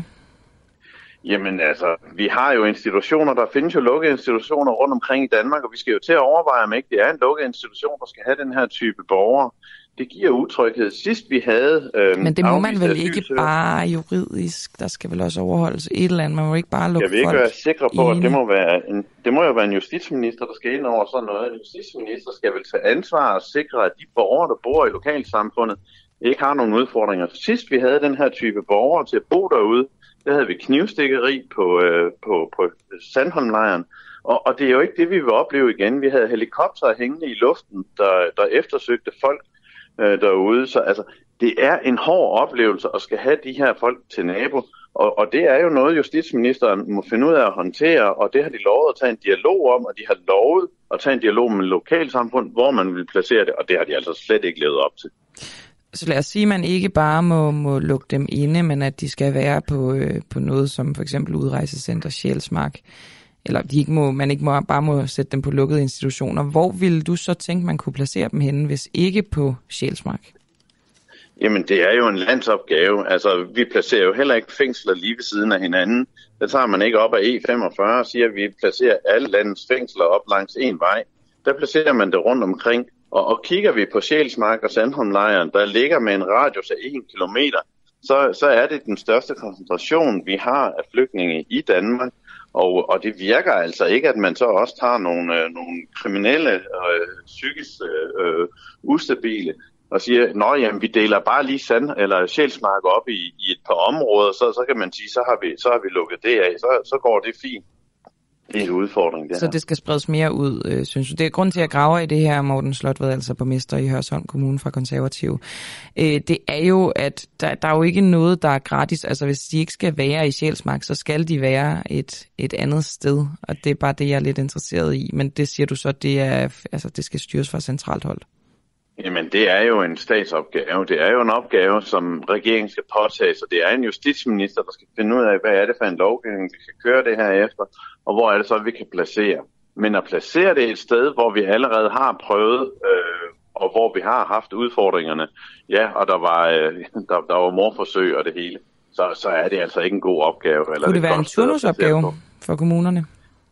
Jamen, jeg har ikke løsningen, og jeg mener også, at det er, det er febril af regeringen at bare skrive med to timers varsel. Nå, jamen, øh, vi, øh, vi fandt ikke nogen udbud, nu placerer vi det på Sjælsmark. Det er jo en, det er jo en feberredning, de prøver på. Får I penge og, og for det, trods alt? Øh, nej, det får man ikke penge for sådan noget. Okay. Så det tilfører ikke nogen form for, øh, for penge til kommunen? Nej, altså det er ikke andet end udfordring, og der kommer til at være nogle, nogle store problemer omkring uh, lokalsamfundet derude, og, og, og kigger vi på Vejle, så blev de jo nødt til at sætte vagter ind for, for at sikre uh, området uh, fra Udlændingsstyrelsen. Så altså det her, det er, det, det er et problem, som, som regeringen ikke gider at tage hånd om, og, og så placerer de det bare et sted, og det, det er ikke ordentligt. Altså det er ikke gennemtænkt. Hvordan vil du råbe dem op? Jamen, vi, jeg har skrevet til ministeren og bedt ministeren om at... Uh, og få foretrædet øh, det sammen med borgmesteren for Allerød, således at vi begge to kan, kan prøve at fortælle om, hvad er det for nogle problemer. Han prøver at skubbe rundt, uden overhovedet at tage en dialog. Har I fået svar? Øh, nej, vi har ikke fået svar endnu. Vi Hvornår skrev I? I, i fredag. Vi skrev i fredags. Godt så. Jamen, øhm, lad os da se, om, øh, om I får et svar, inden ugen er omme. Du skal i hvert fald have tak for at fortælle om det her, øh, Morten Slotved. Det er bare i orden. Rigtig god dag. Tak i lige måde, borgmester i Hørsholm Kommune for konservativ. Hej, du lytter til Den Uafhængige på podcast. Husk, at du også kan lytte med, når vi sender live hver morgen kl. 7. Download vores app, Den Uafhængige, og tryk på play-knappen. Det er helt gratis. Du lytter lige nu til Den Uafhængige. Danmarks måske mest kritiske, nysgerrige og levende radio. Hvis du har en god idé til en historie, så skriv til os på Facebook eller send os en mail. Adressen finder du på hjemmesiden.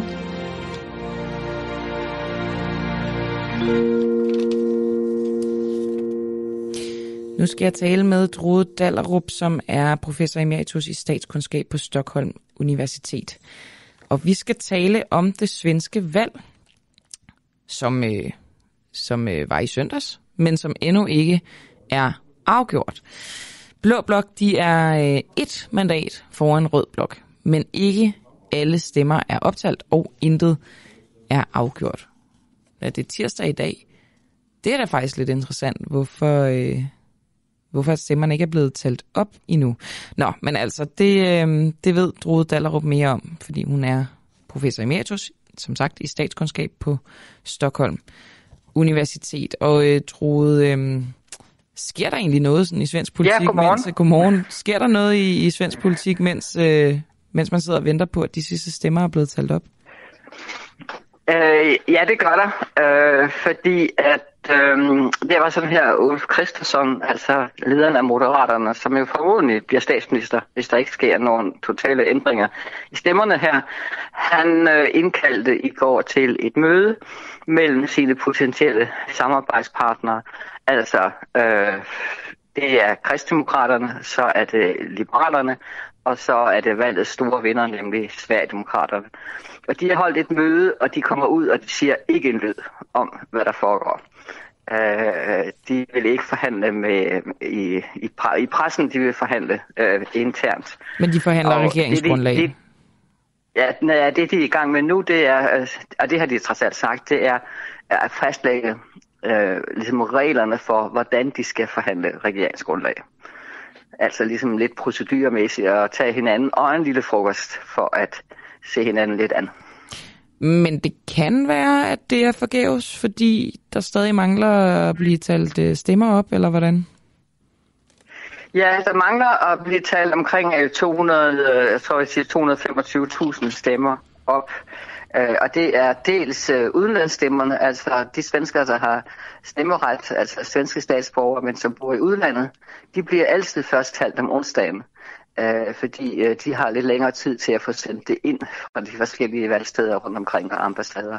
Og så er det det, man, man kalder de, øh, øh, nogle af dem, som man kalder postrøster, altså vi kalder dem brevstemmer i Danmark, øh, fordi man i Sverige lige selv på selve valgdagen, indtil hele selve valgdagen, kan stemme øh, i et andet sted end der, hvor man bor, så skal den, øh, den stemme jo sendes frem til ens øh, øh, hjemkommune, og det er også dem, der bliver, så, bliver stemt. Og, og så kan man så sige, jamen sker der sådan noget? Altså sandsynligheden for, at fordelingen er stort set den samme, den er ganske stor, i hvert fald på, på brevstemmerne. Øh, derimod er det så sådan, øh, øh, det har vi en undersøgelse fra, fra, fra nogle år tilbage, et valg tilbage, det er, at udenlandsstemmerne hælder lidt mere, ikke meget, men hælder lidt mere øh, til moderaterne, altså til den blå blok, øh, folk der bor i udlandet. Okay. Men ikke nok. Der er jo 44.000 stemmer, der, der skiller de to blokke, og øh, det er ikke særlig sandsynligt, at der sker en forandring selve, hvem der har flertal. Okay, men så lad os øh, vende hovedet mod øh, det, du kalder for valgets helt store vinder, Sveriges Demokraterne. Hvad er det, der har hjulpet dem til, til, til den sejr, de står med?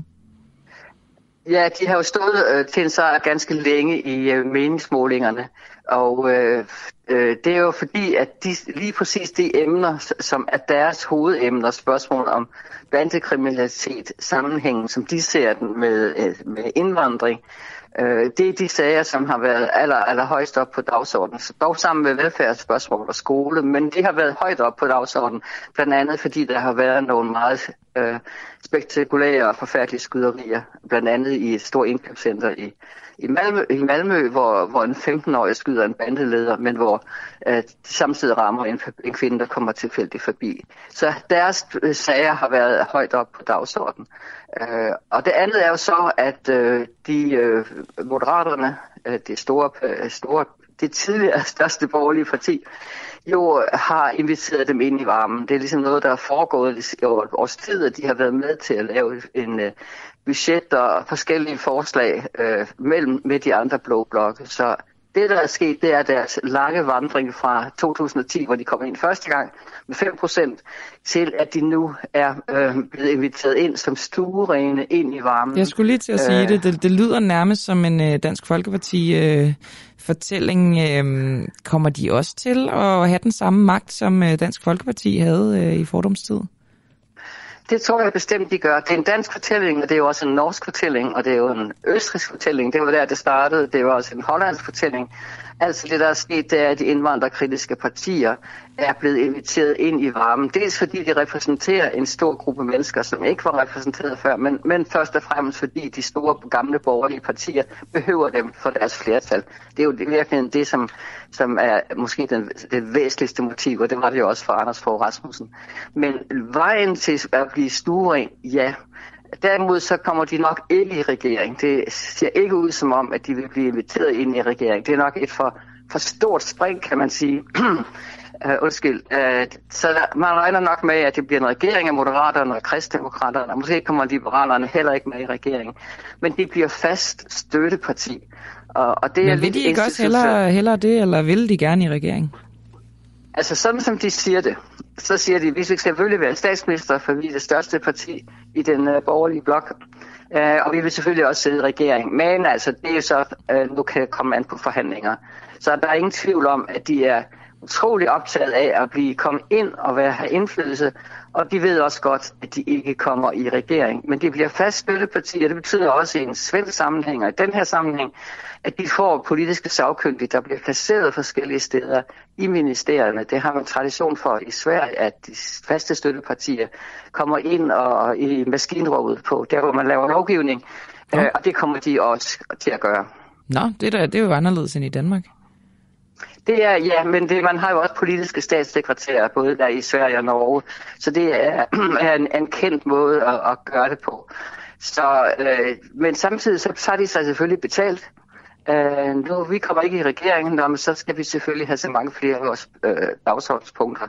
Øh, og så er der et lille pointe, som er blevet taget frem i, i går i nogle øh, kommentatorer, det er jo, at hvis nu Sverigedemokraterne, som jo er lidt mere til, at vi også skal støtte det sociale og pensionister, og ikke til skattelæggelser som de andre blå, hvis de, de har jo faktisk flertal sammen med Socialdemokraterne.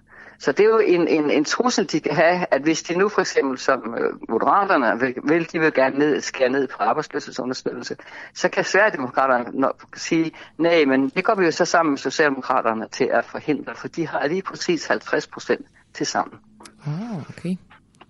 Øh, jeg sidder sådan og tænker på, øh, hvordan det gik for Rasmus Paludan. Det er ikke sikkert, du ved det, Drodallerup, men, øh, Dallerup, men, men stadig. Øh, ved man noget om det? Stillede han overhovedet op? Ja, til, så, så, så vidt jeg ved. Stillede han ikke kun op til kommunen? Der er jo fællesvalg i Sverige. Der er kommunvalg, der er regionsvalg, der Aha. er rigsdagsvalg.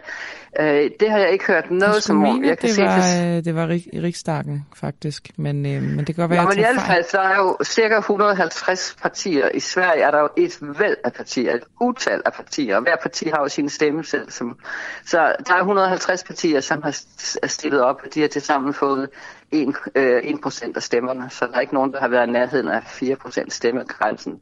Alright, så, øh, så der kan man nok også konkludere, at han øh, har været mm. ganske ganske langt Ja, det fra. tror jeg. Derimod er der jo kommet et nyt parti i Malmø, som hedder Nuance, som er et parti af og for muslimer, som har fået øh, et, øh, et øh, vi ved ikke helt, om de kommer ind i kommunalbestyrelsen i Malmø, men vi ved, at i Rosengård, en af de udsatte områder, der har de fået 28 procent af stemmerne. De siger, at der er ikke nogen, der repræsenterer muslimer. Der er kun folk, der kritiserer muslimer, så derfor har de lavet et parti, der hedder Nuance. Har de øh, også, og, øh, altså fordi nu kommer jeg jo værligt til at tænke en lille smule på, øh, på fri grønne. Øh, har de også en klimadagsorden, eller er det, er det udelukkende at repræsentere muslimer? Det er udelukkende at repræsentere muslimer. Ja, jamen, nu må jeg jo indrømme, jeg har ikke læst deres valgprogram. Nej, det er i orden. Det er i orden. Okay, jamen øh, interessant altså, øh, hvad der kommer til at ske, øh, Dallerup. Du skal i hvert fald have det, tak. Det er jo utroligt historisk, det der foregår lige nu. Det ja. kan vi konkludere og vi, øh, vi venter i spænding. Du skal i hvert fald have tak, fordi du var med. Selv tak. Professor emeritus i øh, statskundskab på Stockholm Universitet. Og jeg synes lige, at der tjekkede endnu en øh, nyhed ind. Jeg læste jo det her op øh, om Armenien og Azerbaijan øh, tidligere på morgenen, og øh, nu beder Armeniens præsident altså både Joe Biden og Vladimir Putin om hjælp. Armenien siger, at Azerbaijan forsøger at rykke ind i deres land. Den armenske premierminister Nikol øh, Pashinyan har ringet til præsident Emmanuel Macron, til præsident Joe Biden og til præsident Vladimir Putin. Der var tidligere meldinger om, at azerbaijanske soldater har mistet livet i skududvekslinger, og øh, vi prøver at følge op øh, på denne her historie i løbet af morgenen. Det lader til, at øh, der sker, sker ting og sager på de kanter. Nu skal jeg tale med Bent Greve, og øh, vi skal fortsat tale om det her med Arne Pension og seniorpension, som vi har haft øh, fokus på hele morgenen igennem. Og måske kan jeg lige give øh, en lille teaser for noget, der sker om små 10 minutters tid. Klokken er i øvrigt 11 minutter over 8. Men altså 20 minutter over, der får jeg øh, Emil Rotbøl på, som er Ruslands korrespondent for Berlingske, og han har haft, altså jeg læste, hvad der er sket for Emil Rotbøl i Rusland i går, og øh, det synes jeg er enormt skræmmende. Det er altså om små 10 minutter. Nu tilbage til Arne-pensionen. Er der brug for denne her Arne-pension. For det har vist sig, at den ikke er så populær, som regeringen havde forventet, og som de måske, man godt kan argumentere for, at de har blæst op til at være.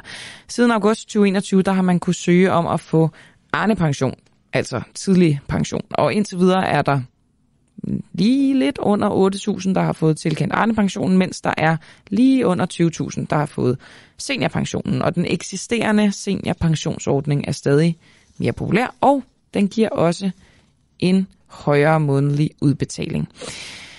Ben Greve er professor øh, på Institut, for Samfundsvidenskab og Erhverv på Roskilde Universitet. Kan du ikke lige fortælle, Ben, hvad er forskellen på de to øh, pensionstyper for tidlig tilbagetrækning? Og godmorgen. Ja, godmorgen. Jamen, der er den helt afgørende forskel er, at det ene system med tidlig pension, det bygger på, hvor mange år har man været på arbejdsmarkedet. Og det vil sige, at man skal have været på arbejdsmarkedet 44, 45 eller 46 år. Og så kan man trække sig tilbage, hvis man har været 46 år på arbejdsmarkedet, tre år før man når folkepensionsalderen. Og det baserer sig på en fuldstændig enkelt, måske ikke enkelt, men en retsydelse om, at har man været så længe på arbejdsmarkedet, så kan man trække sig tilbage i den tid. Hvor seniorpension bygger på, at man skal have været på arbejdsmarkedet som cirka mindst 20-25 år, og ens arbejdsevne skal skønnes at være nedsat til mindre end 15 timer i det job, man er i nu.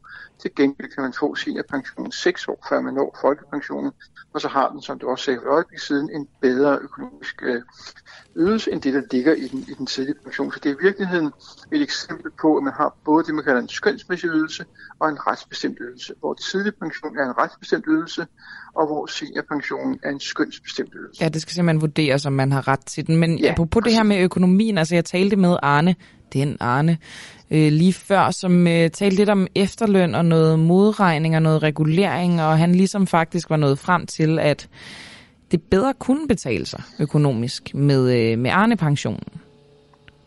Ja, og det hænger sammen med, og det er også det, der måske virkelig er ved at problemerne i systemet, de er meget komplicerede. Det er rigtigt, at hvis man har en tilstrækkelig stor øh, pensionsformue, som så bliver modregnet øh, i efterlønnen, så kan det godt betale sig i visse situationer at tage den, den tidlige pension, fordi der er modregningen af en pensionsformue væsentligt mindre, end den er over i efterlønsordningen. Og så har det her i foråret været, været, været ekstraordinært fordelagtigt, fordi dem, der er gået fra efterløn til tidlig pension, har kunne få udbetalt et ekstra beløb det, der ligger i efterlønsordningen. Og det er også med til at forklare, hvorfor så mange, der er gået øh, fra efterløn på, på tidlig pension i de, de sidste 6-8 måneder. Og det betyder sådan set også, at man ikke kan regne med, at antallet, der overgår til, til tidlig pension, vil, vil stige i den kommende periode, fordi den, den kan man sige, når vi er igennem 2022, så har vi været igennem den her, den her runde. Hvorfor det var det ekstra lukrativt lige øh, her? Ja, det var det, det, var, det var det, fordi man kunne få udbetalt nogle af de penge, man havde indbetalt til efterlønsordningen, hvis man, hvis man overgik øh, til en anden ydelse, og det er derfor, at nogen har valgt at sige, så kunne de godt se, at de fik en som penge kontant, og så fik de en anden ydelse bag. De fik stadigvæk en ydelse, og samlet set var det mere fordelagtigt lande. Og det hører, det hører på et eller andet tidspunkt op den virkning. Og det er også det, der illustrerer, at tidlig pension, ja, den, den hjælper nogle af dem, der er nedslidte, det giver dem ret til at bestemme, hvornår de trænger sig tilbage. Men når den ikke er så populær, så fordi den er gennemgående set, når vi sammenligner med seniorpension, ikke nær så økonomisk attraktiv. Men hvad med, øhm, når vi så kommer ud af 2022? Jeg tror lige, jeg skal have det skåret ud i pap. Altså, hvis man har en vis størrelse på sin pension, kan det så stadig bedre i fremover betale sig at gå med Arne-pensionen? Ja, det afhænger af pensionens størrelse. Det er nogle ret komplicerede beregninger. Det afhænger af, hvor stor den er. Er den tilstrækkeligt stor, så fordi det er den skarpe modregning i efterlønsordningen, så vil det stadig kunne betale sig til en tidlig pension frem for at blive øh, på efterlønsordningen. Og det har man gjort på et tidspunkt, fordi man mente, at folk, der havde øh, store pensioner, ikke i samme grad havde brug for økonomisk støtte øh, fra den offentlige sektor, øh, fra velfærdsstaten, og derfor valgte man så at gøre det her. Det betyder til gengæld, øh, at det kan være meget svært for den enkelte borger at gennemskue, hvad der er det mest fordelagtige økonomisk set at vælge, fordi der er forskellige modregningsforhold, også i forhold til, om man har en, en, øh, en ægtefælde partner, som har så indtægter, som for eksempel kan bidrage til, at man modregner øh, i seniorpension, men man modregner ikke den tidlige pension, hvis sin ægtefælde har en, en indtægt. Så der er, der er en række, kan man sige, beregningsmæssige ting, der gør, at, at alle overveje det her, i virkeligheden er nødt til at sætte sig ned med nogen og få hjælp til at finde ud af, hvad er for dem det mest fordelagtige. Det ændrer ikke på, at grundlæggende så er seniorpensionen en mere økonomisk attraktiv, både fordi det er en længere periode, og fordi at det ydelsesniveauet som udgangspunkt er højere end i den tidlige pension. Altså hvis du så mig i hovedet nu, Bent, så, øhm, så ville jeg ligne en, øh, der lige havde trukket mit emne til matematikeksamen i 2G. Kan folk... Jo, men så, så, så håber jeg også, at det er som en matematikeksamen, at her er ses klart. Prøv at, jeg, det jeg egentlig ville spørge om, det var, om, øhm, om folk er i stand til at øh, udregne det her selv. Nej, det er det, jeg siger, det er et af problemerne, at man, man faktisk er ved at sige, at folk, der står i den her situation, de skal kontakte deres faglige organisation eller andre, de har tillid til, kan hjælpe dem med at regne igennem og se på, hvad kan bedst betale sig for mig, og hvad er fornuftigt for mig at gøre i en nuværende situation, afhængig af, hvordan det ser ud. Fordi jeg tror også, man må sige, at, at seniorpensionen, det er ikke så kompliceret at få den, som nogen måske tror, fordi det er en konkret vurdering i forhold til det job, den pågældende person sidder i. Og derfor tror jeg også, at der er mange, der har fundet ud af, at det er ikke så vanskeligt at få den, og derfor er der mange, der har valgt den frem for at vælge den tidlige pension. Altså vanskeligt, når du siger vanskeligt, er det så at søge om ja, det, den, eller at få den tilkendt i forhold til for, vurderingerne? For, det, er, det, er, det er at få den tilkendt. Det, det, der, et af argumenterne for den tidlige pension var jo, at det var svært at få øh, en, en førtidspension. Det vil sige, mange, og mange der de forskellige forløb, inden de også kunne få et flexjob og andet, og, og så videre, der gjorde, at folk kørte i lang tid system og var nedslidt og ikke kunne sige, nu trækker jeg mig tilbage fra arbejdsmarkedet. Og der tror jeg, man må sige, at seniorpensionen og måske i virkeligheden med sin lidt lettere bedømmelse af, af rest, øh, som man kalder resterhvervsevnen, gjort, at der er flere, der har fået adgang til en ydelse, end man måske også egentlig øh, oprindeligt havde troet. Altså nu har vi jo nævnt øh, ejerpension, seniorpension, flexjob, førtidspension. Jeg tænker lige at læse øh, tweet op fra Lars Lykke, øh, som siger, at øh, er man slidt, skal man kunne gå med værdighed og på vilkår, man kan leve af. Frem for kamp om Arne Senior og de tre andre tilbagetrækningsordninger, burde vi sætte os sammen, rydde op og lave en ordentlig ordning for tidlig tilbagetrækning. Har han en pointe i det? Han har en pointe, men lige så snart man sætter sig ned for at gøre det, så er jeg også ret sikker på, at der sker det, som sker andre gange, at så vil man have en risiko for, at nogen siger, at jeg falder uden for systemet, og nogen, altså jeg er nedslidt, for eksempel, og nogen måske sige, at så er der nogen, der, der ikke er nedslidt, der får adgang til ydelsen. Det har været det problem, der har været med alle de her ordninger, at det er meget svært at lave sådan nogle ordninger her, og så sikre sig, at man lige præcis giver alle de muligheder. Men jeg er enig i, at man bør sætte sig ned nu og prøve at gå de her ordninger igennem, for at forenkle det, fordi jeg er ret overbevist om, at der er ikke nogen i Danmark, Danmark, øh, udover dem, der sidder og arbejder med det, der har et fuldt øh, overblik over, hvordan de her ordninger spiller sammen. Men giver det i virkeligheden ikke meget god mening, hvis seniorpensionen er mere lukrativ end Arne-pensionen, at så øh, kan man altså få tilkendt den, hvis man er berettiget til det, og hvis så dem, der skulle være uheldige at falde uden for systemet, de falder så tilbage på Arne-pensionen? Jo, men så har man stadig igen flere systemer øh, og stadig flere ting, som folk skal regne igennem og samle, fordi der er forskellige vilkår. Så burde man i mindste prøve at sikre, at det var nogenlunde de samme modregningsregler, der var i de forskellige pensionsliver, så folk nemmere kunne overskue, hvad der var det ene øh, eller det andet. Problemet er også forskellen i, i modregningsordning og forskellen i beløbets størrelse på henholdsvis tidlig pension og seniorpension. Alright. Tak for det, Ben Greve. Velkommen professor øh, ved Institut for Samfundsvidenskab og øh, Erhverv på Roskilde Universitet. Hver dag efter morgenudsendelsen kan du høre et særligt udvalgt interview i vores podcast Den Uundgåelige. Interviewet er valgt, fordi det er det bedste, det vigtigste eller mest interessante – Altså, gælder, gælder ejendomsretten ikke for dig, Bibi, bare fordi du er kunstner? Jo, jo, selvfølgelig gør den det, og det er klart, at hvis der skulle være et, øh, et efterspil, så står, jeg, så står jeg naturligvis øh, til rådighed for domstolen, og jeg øh, forholder mig til, til, til de følgere, der måtte komme. Det står jeg 100% til ansvar for. Du finder den uundgåelige i vores app, eller der, hvor du henter din podcast. Et nyt interview hver dag. For dig, som ikke fik hørt hele morgenudsendelsen, men ikke vil gå glip af dagens bedste interview.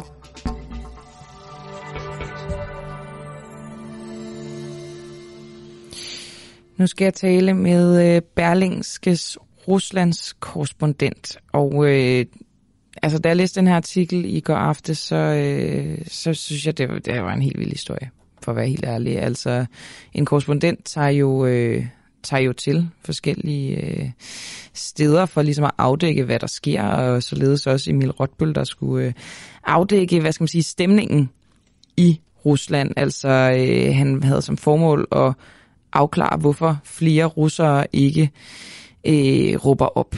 Og øh, derfor så tog han til den by, der hedder Jekaterinburg, og han kan sikkert udtale det bedre end mig. Men så skete der, øh, hvad skal man sige, noget helt andet, Emil Rotbøl. Måske kan du lige korrigere mig i min udtale først, og godmorgen. Godmorgen. Ja, Jekaterinburg vil, okay. vil jeg kalde det. Okay, det var bedre. Øhm, prøv at høre, måske du lige kort kan uddybe, hvad, øh, hvad formålet med din rejse var i den her omgang. Ja, altså øh, en af de store ting, som vi spørger os selv om i, i Vesten, det er jo det her med, hvorfor er der ikke flere i, i Rusland, som, som ligesom giver deres øh, modstand til kende.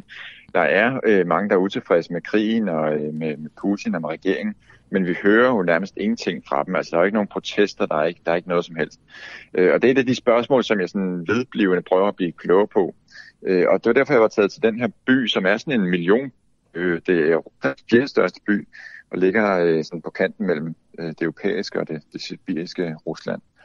Øh, og det er sådan en by, der har historie for at, øh, altså at råbe op, altså at vise deres utilfredshed med, med store og små spørgsmål. Det, som, øh, i... som Ruslands styre selv kalder for viderestykkelig liberalisme, så vidt jeg kunne læse. Ja, præcis. Det, var, øh, det er sådan en, en øh, tv-vært, som har kaldt det et, et, et centrum for sådan noget viderestykkelig liberalisme, ja. Øhm, og det er, fordi de har en historie over de sidste par år især øh, med at, øh, at råbe, råbe op, når der er noget, de er utilfredse med, og faktisk også få nogle øh, forandringer igennem. Så det var derfor, jeg tænkte, hvis, hvis nogen ligesom kan sætte mig ind i, hvad er det, der sker øh, i øjeblikket, så, så må det være her. Og hvad, øh, hvad, hvad skete der så, da du kom til byen? Ja, det der så sker, det er, at altså, i det jeg øh, lander i byen øh, så, og tænder min telefon, øh, stiger ud af flyet, altså så eksploderer den bare med øh, opkald og beskeder øh, af meget troende karakter. Øh, øh, folk kalder mig spion og beder mig om at skride ud af, af byen så, så hurtigt som muligt, inden det ender galt, og, og det hurtigt, øh, hurtigt kan være for sent, og, og den slags trusler. Altså nu skal jeg bare lige være med, fordi du ankommer til en by, som øh, er sådan lidt, øh, jeg ved ikke om det er forkert beskrevet, aktivistisk i forhold til, mm. til det russiske styre. Øh, bliver du beskyldt for at være spion fra øh, styret eller fra Vesten? Ja, jamen det der sker, det er, det er et lokalt medie, der hedder Ural Live, øh, som har øh, opsnappet af, at jeg kommer til byen. Og på en eller anden måde, så har de også fundet mit russiske og mit danske telefonnummer, øh, og offentliggør det på deres, øh, på deres telegram øh, øh, sammen med mit, mit foto øh, og en oplysning om, at jeg er øh, uddannet sprogofficer, altså for 20 år siden, inden jeg blev journalist. Øh, og, den, og det bruger de ligesom til at konkludere, at jeg er spion, som er kommet til byen for ligesom at samle øh, ulovlige oplysninger eller noget af den stil. Til, til, æm, til hvem? Øhm, ja, til den, for, for Danmark, ikke? Altså jeg er en okay. dansk spion. Yes. Det er ligesom anklagen. Okay. Øh, øh, og, øh, og det, der så er endnu værre, det er, at øh, den faktisk den samme tv som har kaldt det her et centrum for vederstykkelig liberalisme, Vladimir Solovyov, øh, deler det med sine øh, 1,2 millioner følgere på, på Telegram. Altså han er den, jeg ved ikke, øh, hvad man kan kalde ham, den danske Kim Bilsø, men altså han er den mest kendte tv-vært i Rusland i øjeblikket, og er en af de mest sådan, højt rådende øh, propagandister. Altså han bliver også kaldt sådan, Putins stemme, for, okay. for ligesom, at give ham, øh, for, for ligesom at vise, hvad det er for en, en rolle, han spiller i Rusland. Så der er rigtig, rigtig mange mennesker, der ser det her opslag. Øh, og rigtig mange af dem, som så også vælger at, at ringe mig op og, og give mig øh, troende beskeder på, på alle de øh, platforme, hvor de ligesom kan, øh, kan finde mig. Okay. Og øh, hvad gør du så? Fordi jeg tænker, det er jo ikke altså, ligefrem sådan øh, fuldstændig sikkert sted at befinde sig i forvejen. Og nu kommer der så trusler om øh, spionage imod dig. Jamen altså i første omgang, så da, da jeg finder ud af, at det er den her øh, øh, nyhed, der er kommet ud om mig, altså så tjekker jeg lige med de folk, jeg skal mødes med, om der er nogen øh, farer. De ser udenbart, nej, det er bare sådan nogle provokatører, det, der sker ikke noget. Så jeg sætter min telefon på lydløs, og så fortsætter jeg mit arbejde, altså mødes med, med de mennesker, jeg skal mødes med, og, og får faktisk også en indsigt i, hvorfor det er, at, at de ikke råber op, fordi de er jo stadig utilfredse med krigen, fremgår det ligesom af vores samtale. Men de siger bare, altså de har slet ikke lyst til at udtale sig om det, fordi de er blevet straffet øh, så mange gange i løbet af det sidste halve år for at sige noget som helst, eller for bare at ligesom arbejde selv som, som lokale journalister og beskrive krigen. Så får de simpelthen bødestraffe og fængselsstraffe og alt muligt. Hvorfor tager de mødes ind. med dig, og hvorfor tager du mødes med dem? Altså I er jo begge to, kan man sige, øh, farlige, så at sige, i godsøjne. Jamen de har, de har jo, altså jeg tror ikke, de kan lade være at prøve at forklare mig, hvad er det, der, der foregår. Sæt, sæt mig ind i deres situation. Prøve at vise nogle af de øh, nuancer, som trods alt også er i det russiske samfund, at de ikke alle sammen bare er øh, liderlige krighængere, men der faktisk også er øh, nogen, der, der tænker anderledes og prøver at gøre noget anderledes, så meget som de nu kan. Så de vil gerne snakke med mig om øh, det her lokalvalg, som der også var i weekenden. vil gerne snakke med mig om, hvorfor det ikke er øh, interessant, altså hvorfor det ikke er, er et øh, rigtigt, øh, at der ikke er rigtig konkurrence om den guvernørpost, som, som der blev, var valgt til, øh, og hvad det er, der er sket med den her proteststemning, som har været i byen. Fordi det er nogle af de mennesker, som har været med i, i, øh, i, i den aktivisme, der, der har været. Og den aktivisme er så bare ikke noget, der giver sig udtryk i forhold til øh, politik her nu, eller i forhold til, til krigen. Så de, de ting vil de gerne snakke relativt øh, åbent om.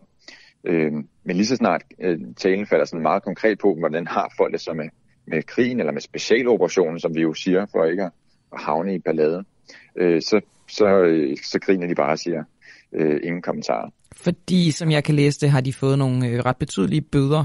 Blandt andet, det, det ved vi jo godt, det er ikke nødvendigvis sikkert, at det bare kan holde sig til bøder. Øh... Nej, præcis. Nej, der er også, og der er også øh, øh, nogle af dem, som jeg mødtes med, som altså, tidligere har fået øh, fængselsstraffe for øh, og ligesom at, at indkalde til demonstrationer. Øh, der er også nogle efterfølgende, efter at jeg har været i byen, som er blevet hævet ind til forhør og har fået renset deres hjem. Øh, mm. så, så hvad skal man sige, det er noget, og det er ikke fordi de mødes med mig, det er fordi, at der, at der er fokus på dem, og fordi der, der pågår alle mulige øh, fortsatte undertrykkelse af de her øh, relativt frie stemmer. Øhm, prøv at, du har mødtes med, øh, med de her mennesker. Så skriver du, øh, da vi forlader kælderen, bemærker jeg to fyre, der holder på vejen i en mørklagt Skoda. De tænder lygterne og følger efter os, og gør ikke meget for at skjule det. Mm. Hvorfor gør de det? Jamen, de, de, jeg får et lift hjem øh, til mit hotel af nogle af de mennesker, som jeg mødtes med, øh, og ser ret hurtigt, at der er nogen, der følger efter os her. Øh, og øh, det siger jeg til, til dem, der øh, jeg er sammen med, og, øh, øh, så, så prøver vi ligesom at tage nogle omveje og køre ned nogle små veje, lave nogle lidt uventede sving osv.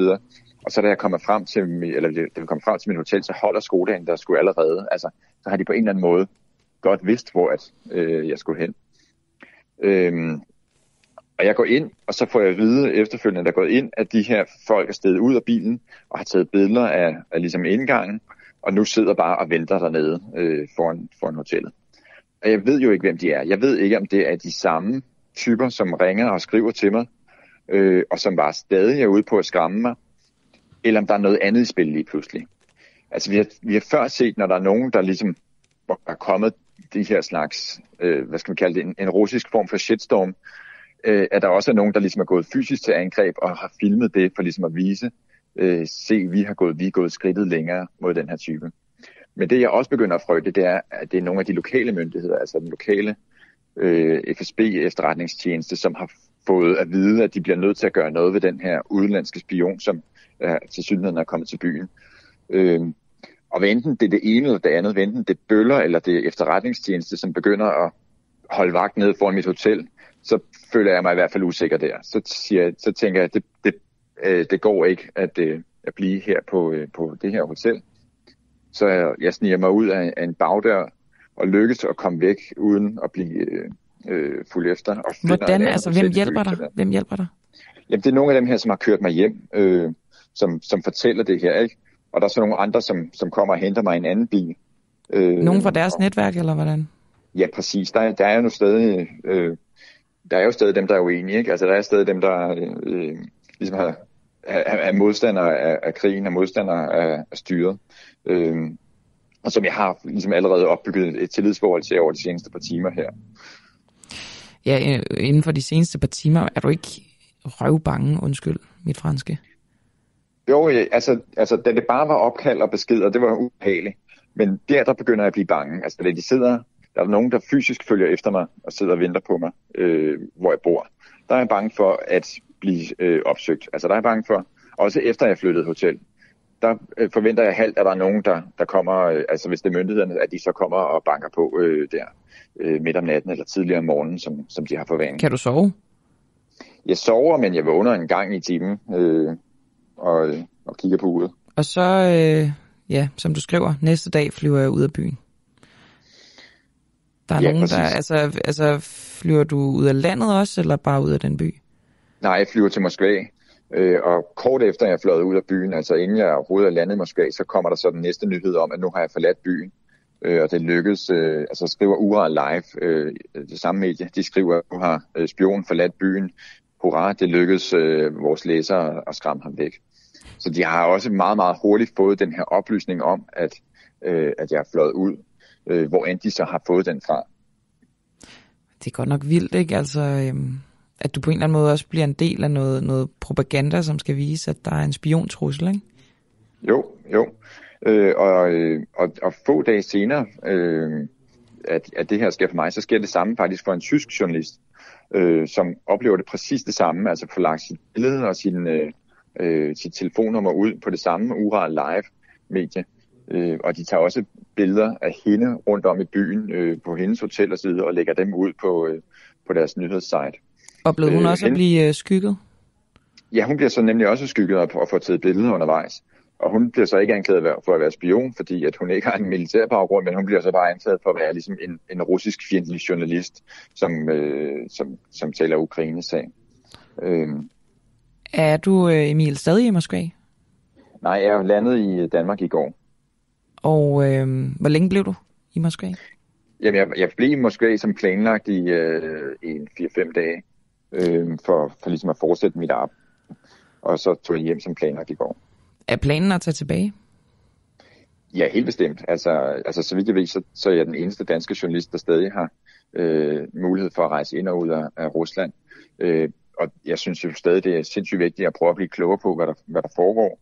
Øh, og, og altså nemlig tale med, med russerne, altså både dem, der, der støtter og dem, der er imod, og prøve at blive klogere på, hvad er det, hvad er det, der foregår i det samfund lige nu? Øh, fordi det er jo en proces, de selv er i gang med at prøve at, at finde ud af, fordi lige nu, der går det bare nedad, nedad, nedad med, med, med den her undertrykkelse og, øh, og grænsen for, hvad der kan lade sig gøre af, af sådan nogle vilde ting her, den bliver bare ved med at rykke sig, og det synes jeg er sindssygt vigtigt at blive ved med at prøve at øh, forstå. Og nu ved jeg jo godt, at, øh, at øh, dit virke går på at, på at afdække situationen der, men altså nu er du på en eller anden måde selv blevet inddraget i det, så jeg beklager, hvis det irriterer dig, at jeg bliver ved med at, at rode i din egen situation, men jeg sidder sådan og tænker på, hvor grænsen går for, hvornår at det øh, for dig ikke er øh, sikkert nok at tage til Rusland. Fordi jeg sad der og tænkte, du skal da aldrig tilbage. Ja, altså, øh, jeg følte mig relativt sikker i Moskva. Øh, det kan godt være, at der lige går et stykke tid, før jeg tager til Katerinburg igen. Øh, men hvad skal man sige, hvis jeg generelt begynder at føle mig som jæget vildt, øh, så, altså, så, så, øh, så kan det da godt være, at, at jeg ikke skal tilbage. Men, øh, Tager du nogle ekstra forholdsregler nu? Ja, det gør jeg helt bestemt. Hvilke? Øh, jeg vil ikke ind på dem alle sammen, men jeg, altså, som minimum er jeg jo meget tæt kontakt til min øh, redaktør hjemme i Danmark, øh, og har ligesom altså, øh, et sikkerhedsnet i forhold til, øh, hvor jeg opholder mig i landet, og øh, hvem jeg skal mødes med osv. Har du også fixer? Det sad jeg og tænkte på, da jeg læste artiklen. Nej, det bruger jeg ikke. Det bruger du ikke. All right, jamen øh, tusind tak for at fortælle, Emil Rotbøl. Ja, selv tak. Berlingskes øh, korrespondent i Rusland er altså netop ankommet til, øh, til Danmark fra Moskva. Og vi bliver øh, ikke i Rusland, men noget inden for samme tema. Vi skal til Ukraine og tale om den her ukrainske offensiv, som vi har oplevet de sidste dage. I weekenden der lykkedes det at øh, der lykkedes det for Ukraine at tilbage en række byer fra russerne efter en modoffensiv i Kharkiv-regionen. Ifølge Rusland, der var de i gang med en omgruppering af styrkerne, men Ukraine fortæller, at de har drevet russerne på flugt efter at have lukket dem i en fælde, og øh, man begyndte faktisk også i går, så jeg, at tale om Kherson-regionen, øh, og det kan jeg jo passende spørge Claus Mathisen om, men lad os, øh, lad os starte ved, ved Kharkiv hvis altså Claus Mathisen er med mig. Er du det, Claus? Det kan du tro. Her øh, tirsdag morgen går ukrainerne stadig frem. Ja, jeg tror ikke, de rykker frem i samme tempo, som de gjorde de her dage, hvor modoffensiven for alvor blev sat ind, for det gik jo rygende stærkt. Øh, nu skal man lige have konsolideret øh, og sikre, at man kan fastholde det terræn, man har i Europa, fordi det er vigtigt. Men man vil stadigvæk forsøge øh, sig med nogle offensive operationer for ligesom at fastholde det momentum, man opnåede med øh, offensiven. Og her tror jeg specielt ind i Lugansk-regionen i Lugansk-regionen. Øh, hvorfor er det der, man kigger hen? Jamen, det er, det er mit bud. Øh, der kan også være andre muligheder, men det er fordi, så vidt jeg kan se, som med de sejre, Ukraine har opnået her øh, i Kharkiv-regionen, så har man gjort det umådeligt vanskeligt for Rusland at gennemføre deres ambition om at erobre resten af Donetsk-regionen, fordi det skulle blandt andet de styrker, der stod i Izium og knudepunktet øh, øh i Kupiansk, det skulle de bruges til. Øhm, og samtidig tror jeg, at ukrainerne gerne vil prøve at nappe så meget som muligt tilbage af Lugansk-regionen for at vise Rusland, at ingen af de mål, som man satte sig ved invasionen 24. februar, kan nås. Alright. Øhm, og kan du ikke lige for dem, der ikke har fulgt med hen over weekenden, fortælle, hvad det er, ukrainerne har gjort, og hvorfor de er lykkedes med det her? Jo, altså meget kort fortalt, så øh, har man jo i et par måneder annonceret en, en ukrainsk modoffensiv i syd, ned imod øh, den meget omtalte by Herson, der ligger sådan lidt øh, nord for Krimhalvøen ved Dnieperfloden. Og øh, det har fik øh, naturligt nok russerne til at flytte nogle af deres enheder og styrker fra øst over i syd, for ligesom at kunne imødegå den her annoncerede modoffensiv. Det man så øh, åbenbart overså fra russisk side, og for så vidt også for os andre, det det var, at ukrainerne havde faktisk fastholdt en betydelig styrke i øst, sådan så når russerne, eller hvis russerne kom til at stå lidt tyndt, så kunne man udføre den her modoffensiv. Og det har man altså gjort, og det har man gjort med stor succes. Og du siger, at nu vil man øh, altså dels forsøge at udnytte momentum til at rykke yderligere frem. Dit bud er øh, Luransk. Øh, men man vil også fokusere på at øh, bibeholde det, man har vundet, så at sige. Helt sikkert. Det er afgørende, fordi det var som sagt meget vigtige øh, trafikknudepunkter, jernbaneknudepunkter i, i Kupiansk, der både ligger ved en flod og ved hovedveje og ved jernbaner, og det var den vej forsyninger fra Rusland kom ned til de russiske styrker, der, der, der stod for eksempel i Izium. Nu står de der jo så altså ikke længere. Øh, men øh, øh det, det, det har været helt afgørende, og det skal man fastholde. Der har været rapporter om, at russerne er ved at gøre sig klar til at forsvare sig på den anden side af Oskoldfloden, der løber sådan fra nord-syd ned i den østlige ende af Kharkiv-regionen. Men der er også rapporter, der siger, at, der, der siger, at det er de faktisk ikke engang rigtig i stand til. Hvad sker der i øh, Kherson lige nu? Jamen der øh, sker jo det, at øh, selvom det på en måde også var lidt en afledningsmanøvre, så var det jo i høj grad også en modoffensiv. Og det ser ud til, at ukrainerne vinder pænt frem. Der har været i de sidste par dage rapporter om, at mindre russiske enheder forhandlede om overgivelse. Vi ved ikke, om det passer helt, for det kan jo også være et led i informationskrigen eller psykologisk krigsførelse. Fordi hvis andre russiske enheder i området hører det, hov, der er nogen, der forhandler om overgivelse, gud, det gør vi da også. Så, så vi ved ikke præcis, hvad der foregår, men det ser ud til, at det går fremad også imod Kherson, dog ikke i samme tempo, som vi har set i øst. Er det ikke farligt for sådan en, en mindre russisk enhed, hvis det er korrekt, og det skal vi understrege, det ved vi ikke, at de øh, mm. forhandler om overgivelse? Er det ikke... Øh altså lidt det samme som at desertere eller sådan et eller andet? Jo, Øh, det, det, det kan man sige, det er. Altså, det er jo ikke i hvert fald noget, der er velset. Så meget desto mere, som man siger, at der ofte sker det, at hvis først en enhed overgiver sig, så er der en tendens til, at det breder sig. Så flere enheder også tænker, at men hvis de overgiver sig, så gør vi det også. Øh, det må vi se. Vi må se, hvad der kommer til at ske de næste dage, også i Kherson-regionen. Jeg tror faktisk, at ukrainerne både har overtaget hele initiativet i krigen fra russerne, som nu er på hælene, og øh, vil fortsætte deres fremrykning både i øst og i syd, måske ikke i lyntempo, men støt og roligt fremad. Tror du også, de vil tage Krim tilbage? Det er så straks et helt andet spørgsmål. Jeg tror i hvert fald i første omgang skal man jo over på, på den anden side af Dnipro-floden, eller Dnipro-floden, som den hedder på russisk, hvor broerne er væk. Så det er i sig selv en opgave. Og så skal man jo have resten af Hassan-regionen, der ligger cirka 20.000 kvadratkilometer over på den anden side, før man når frem til Krim.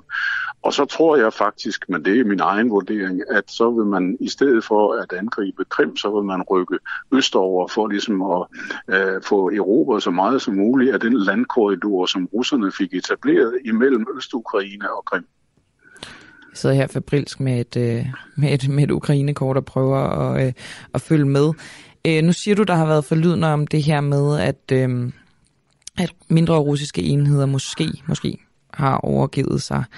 Hvordan har russerne ellers reageret på de sidste dages begivenheder? Ja, der må man jo sige, at øh, øh, den meget selvsikre, til tider næsten arrogante tone i de russiske statsmedier, øh, den er kraftigt forandret. Hidtil har det jo nærmest lyttet som om, at krigen i Ukraine, det var noget, man kunne klare med den ene hånd bundet på ryggen. Det var ikke noget særligt. Man vil heller ikke engang kalde det en krig. Jo. Øhm, øh, I de sidste par døgn, der har der været mange kritiske røster. Øhm, man kan sige, måske øh, i forhold til krigens mulige fremtidsperspektiv, er det altså desværre dem, der ønsker mere krig, altså som ønsker mobilisering af hele Rusland øh, for at klare Ukrainekrigen. Det er dem, der råber højst lige nu, men der er også andre røster, og vi ved ikke præcis, hvad man gør. Mit eget bud er, at Kreml, Putin, den militære og politiske ledelse, de er ikke klar til at opgive krigen i Ukraine endnu. Men så må reaktionen vel være, at man gør det, man endnu ikke har gjort, nemlig at, at, at ligesom ukrainerne gjorde, altså indkalde alle mænd. Jeg ved ikke, hvad kvinder, men, det, men det, altså det, inden for en vis alder. Ja, det er i hvert fald den første, tror jeg, mulige reaktion, at man forsøger at skaffe mere mandskab.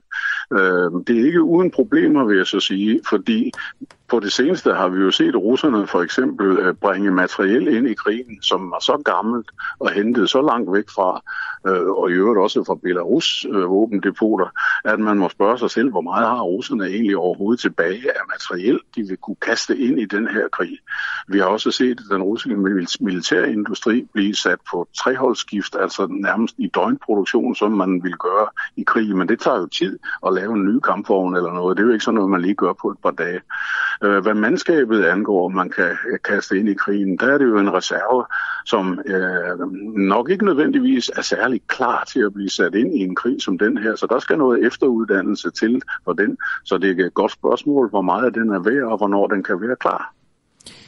Hvor meget gør det ved, øh, lige her til sidst, Claus Mathisen, den enkelte ja. soldat, altså sådan nogle her sejre, er det noget, man decideret kan se i, at øh, de bliver... Øh, ja, nu vil jeg jo ikke sige dygtigere, men at der sker noget psykologisk.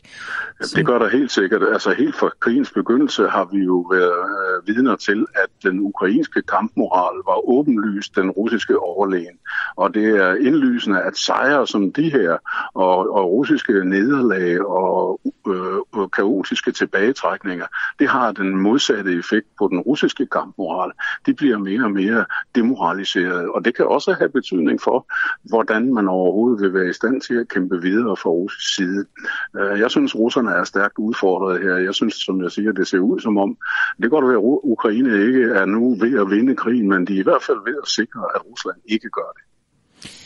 Det er interessant også i forhold til øh, altså de vurderinger, der var øh, i krigens begyndelse.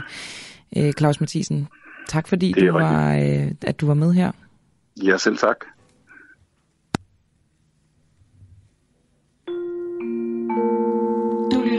Til Den Uafhængige.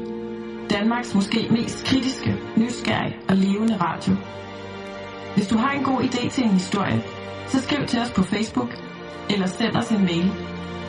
Adressen finder du på hjemmesiden.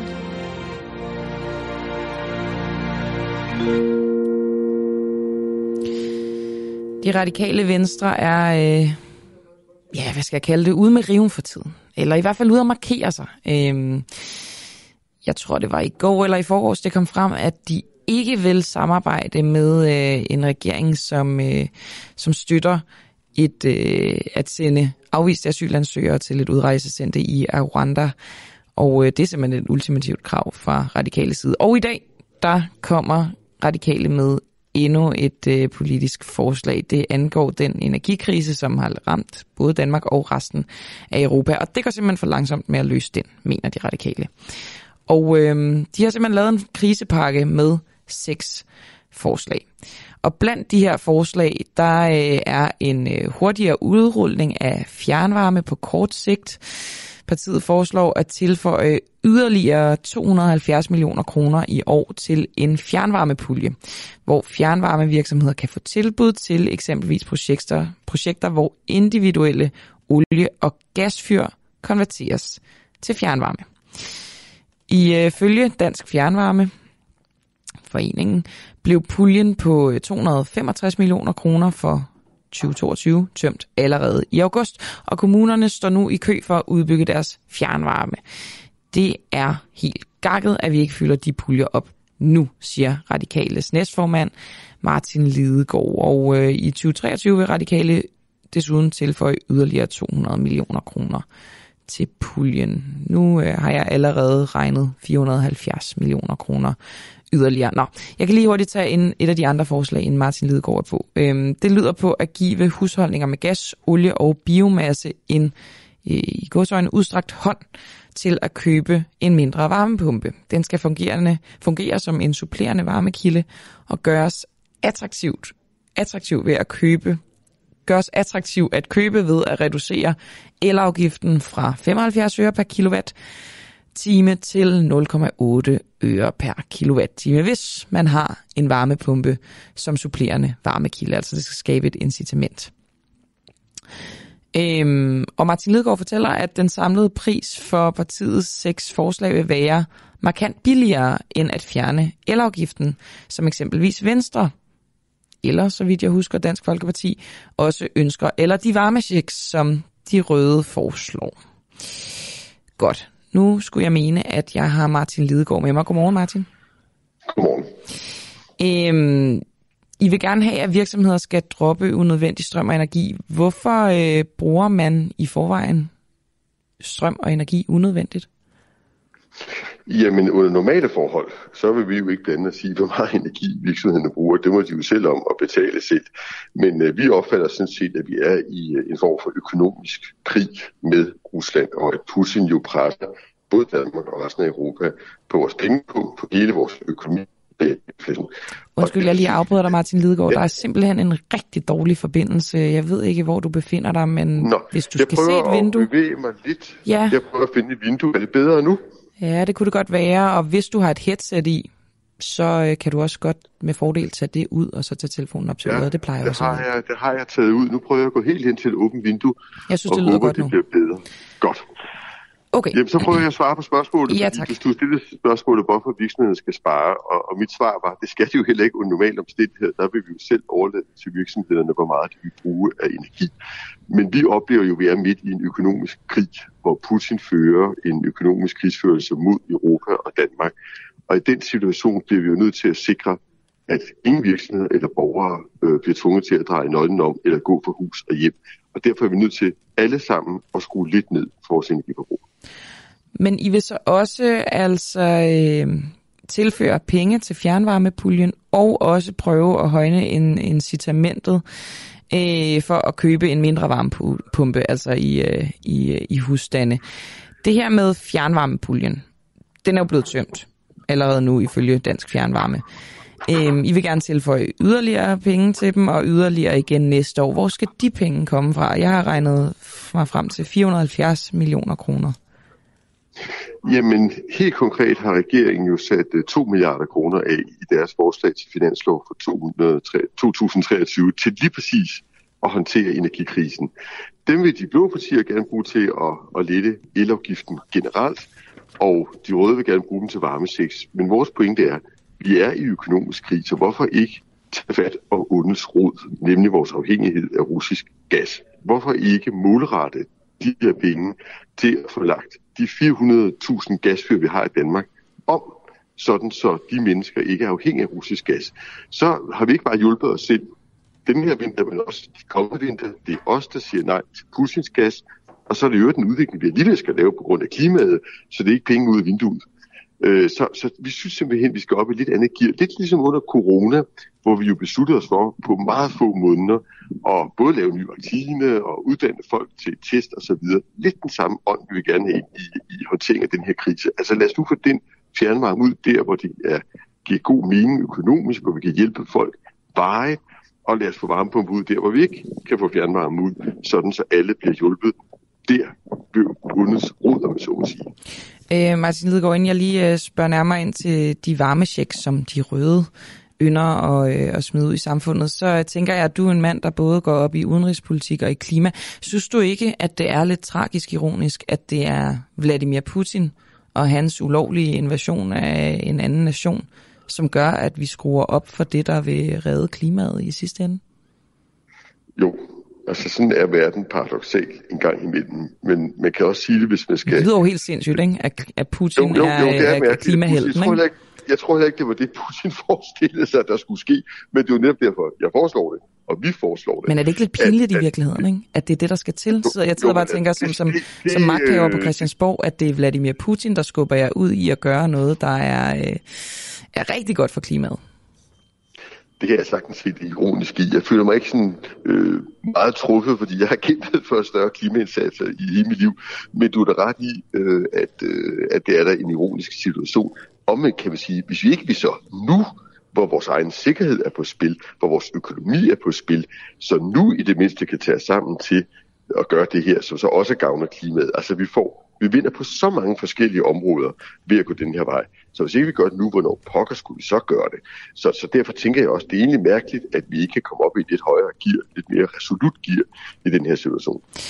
Martin Nedgaard, jeg lovede dig, at vi skulle snakke om varmechecks, men øh, det er jo også lidt at slå på, øh, på nogle andre end en selv. Så jeg vil egentlig hellere blive ved jeres øh, forslag, det her med incitamentet til at købe varmepumper. Der har jeg en lytter, der hedder Grete Lund, som spørger, bruger en varmepumpe ikke strøm? Og så en masse spørgsmålstegn. Jo, det gør den.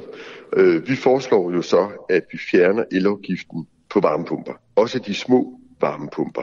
Og så er der det, øh, det er det teknisk, men det er en vigtig pointe, at grund til, at vi har så høje elpriser lige nu, det er jo fordi, at gassen er meget høj i pris, og det, er, øh, det fungerer sådan i, i elmarkedet, at det er den højeste pris, der sætter øh, standarden. Så hvis vi nu forestiller sig en situation, hvor vi fik øh, langt mindre brug for gas i vores strømproduktion, og hvis vi forestiller os, at vi også satser lidt på energieffektivitet og laver lidt mere vedvarende energi, så vil elprisen også gå ned. Og hvorfor ikke også fjerne momsen? Nu er jeg i gang. Jamen det er fordi, at øh, når vi kigger på samlet set, hvad den her krise gør ved de statslige finanser, så øh, får vi faktisk færre penge i kassen. Og det skyldes, at selvom vi får lidt mere ind på momsen med de høje energipriser, så tænker folk så heldigvis allerede om at bruge mindre strøm, og økonomien bliver afmattet. Så vi, vi har faktisk ikke rigtig penge til at fjerne hele elafgiften og hele momsen. Det, det vil være rasende dyrt øh, i en situation, hvor vi altså har færre penge. Men målrettet at gå ind og skubbe til transformationen til fjernvarme og elpriser, det giver rigtig god mening, både for samfundet og for den enkelte husejer er, eller boligejer. Er alt det her, I foreslår, finansieret? Det må jeg desværre sige, at det ikke er i detaljer, og det skyldes, at noget af det, vi har foreslået, er det simpelthen svært at forudse, hvor, hvor populært det bliver. Øh, de puljer, du nævnte før, de er finansieret. Vi foreslår også, at vi øh, laver en øh, teknologisk grænsekontrol, i stedet for den nuværende meget mandskabstunge øh, grænsekontrol. Øh, vi tror, vi får mere sikkerhed for pengene, sådan set, ved at blive fri af, af Putins brændsler og bruge pengene der. Så vi har nogle finansieringsforslag. Men når det for eksempel handler om, hvor mange der så faktisk vil gå på varmepumper, øh, hvor mange der vil bygge solceller, som vi også foreslår i kommunerne, så, så må jeg sige åbent og ærligt, at det er svært at forudse. Men hey, det her coronakrise, så spurgte vi heller ikke have råd til vaccinerne, eller have råd til øh, at uddanne tilspersonale, for vi var godt klar over, at det ikke at gøre noget vil være langt øh, dyrere og øvrigt heller ikke acceptabelt. Og vi er altså i en form for økonomisk krigsførelse, og jeg kan i hvert fald garantere, som du startede med at sige, det er billigere end bare at fjerne hele elafgiften, eller blive ved med at udstede midlertidige. Men Martin Lidegaard, vi har også en økonomi med tårnhøj inflation, altså det man kunne kalde en... Øh en lidt usikker situation på nogle måder, til trods for, at øh, økonomien jo er god, arbejdsløsheden er lav osv., så, videre. så er der ikke også noget farligt ved at gøre noget, der er uforudsigeligt på den måde? Og hvis man det skulle vise sig, at mange gør brug af det her, har du så en idé om, hvor I vil hente pengene henne, eller er vi igen ude ja. i at asfaltere vejen, mens vi kører? Nej, altså, vi, vi har lidt mere hånd om det. Vi siger, at næste år, der har regeringen som sagt afsat 2 milliarder til det her formål. I fra 2024 og frem, der har vi etableret en stor grøn fond med ja, 56 milliarder kroner. Så hvis vi kommer derud, så har, har vi noget at tappe ind i der. Og så må jeg så altså endelig øh, sige, måske skulle vi overveje, og det skriver vi også, at udskyde nogle af de andre anlægsprojekter, vi har gang i for at få plads til fjernvarme. Lad mig bare nævne den der gasledning til Lolland, som øh, der stadigvæk er på tegnebrættet. Det er jo en lidt absurd situation, der nu der er lukket for gassen, men altså, den er der stadig i, på tegnebrættet. Det, den optager 200 mennesker og et milliard stort beløb i anlæg øh, her i 23 og 24. Den kunne vi for eksempel lige sætte på pause, indtil vi ser, om det overhovedet bliver aktuelt, og så bruge de penge på fjernvarme i stedet for. Hvor skal de mennesker så arbejde henne? Jamen, de mennesker skal arbejde med fjernvarmen. De skal udrulle i stedet for gasrør, skal de udrulle fjernvarmerør. Det er jo lige præcis en af udfordringerne er, at vi mangler arbejdskraft i den branche, og derfor foreslår vi netop også dels at udskyde nogle anlægsprojekter, men også at få øh, hurtigt videreuddannet en række folk, der kan installere både varmepumper og øh, fjernvarme, ligesom vi gjorde med testpersonalet i sin tid under corona. Martin Lidegaard, her til sidst, nu går jeg til, jeg virker meget vælsindet, men det er fordi, nu har jeg besluttet, at jeg gerne vil spørge dig om de her varme checks og ældre checks. Det er jo meget velkommen. øhm, er det noget, I radikale er decideret imod? Nej, altså det vil ikke udelukke, øh, at hvis det her, øh, denne prisstigning fortsætter, at vi skal give en hånd til de allermest udsatte familier. Det kan vi også godt se, øh, for det ser alvorligt ud. Men vi vil nok insistere på, at vores primære fokus er rettet imod at løse grundproblemet, nemlig vores afhængighed af russisk gas. For ellers kan det jo komme tilbage igen og igen og igen, afhængig af, hvor lang tid konflikten med, med Rusland øh, trækker ud. Og der er vores budskab, lad os nu selv tage den aktive beslutning, at vi er færdige med russisk gas, og lad os disponere vores energisystem efter det. Det kommer vi alligevel til på grund af klimaet inden for få år, så lad os få det godt nu. Er varmechecks symptombehandling?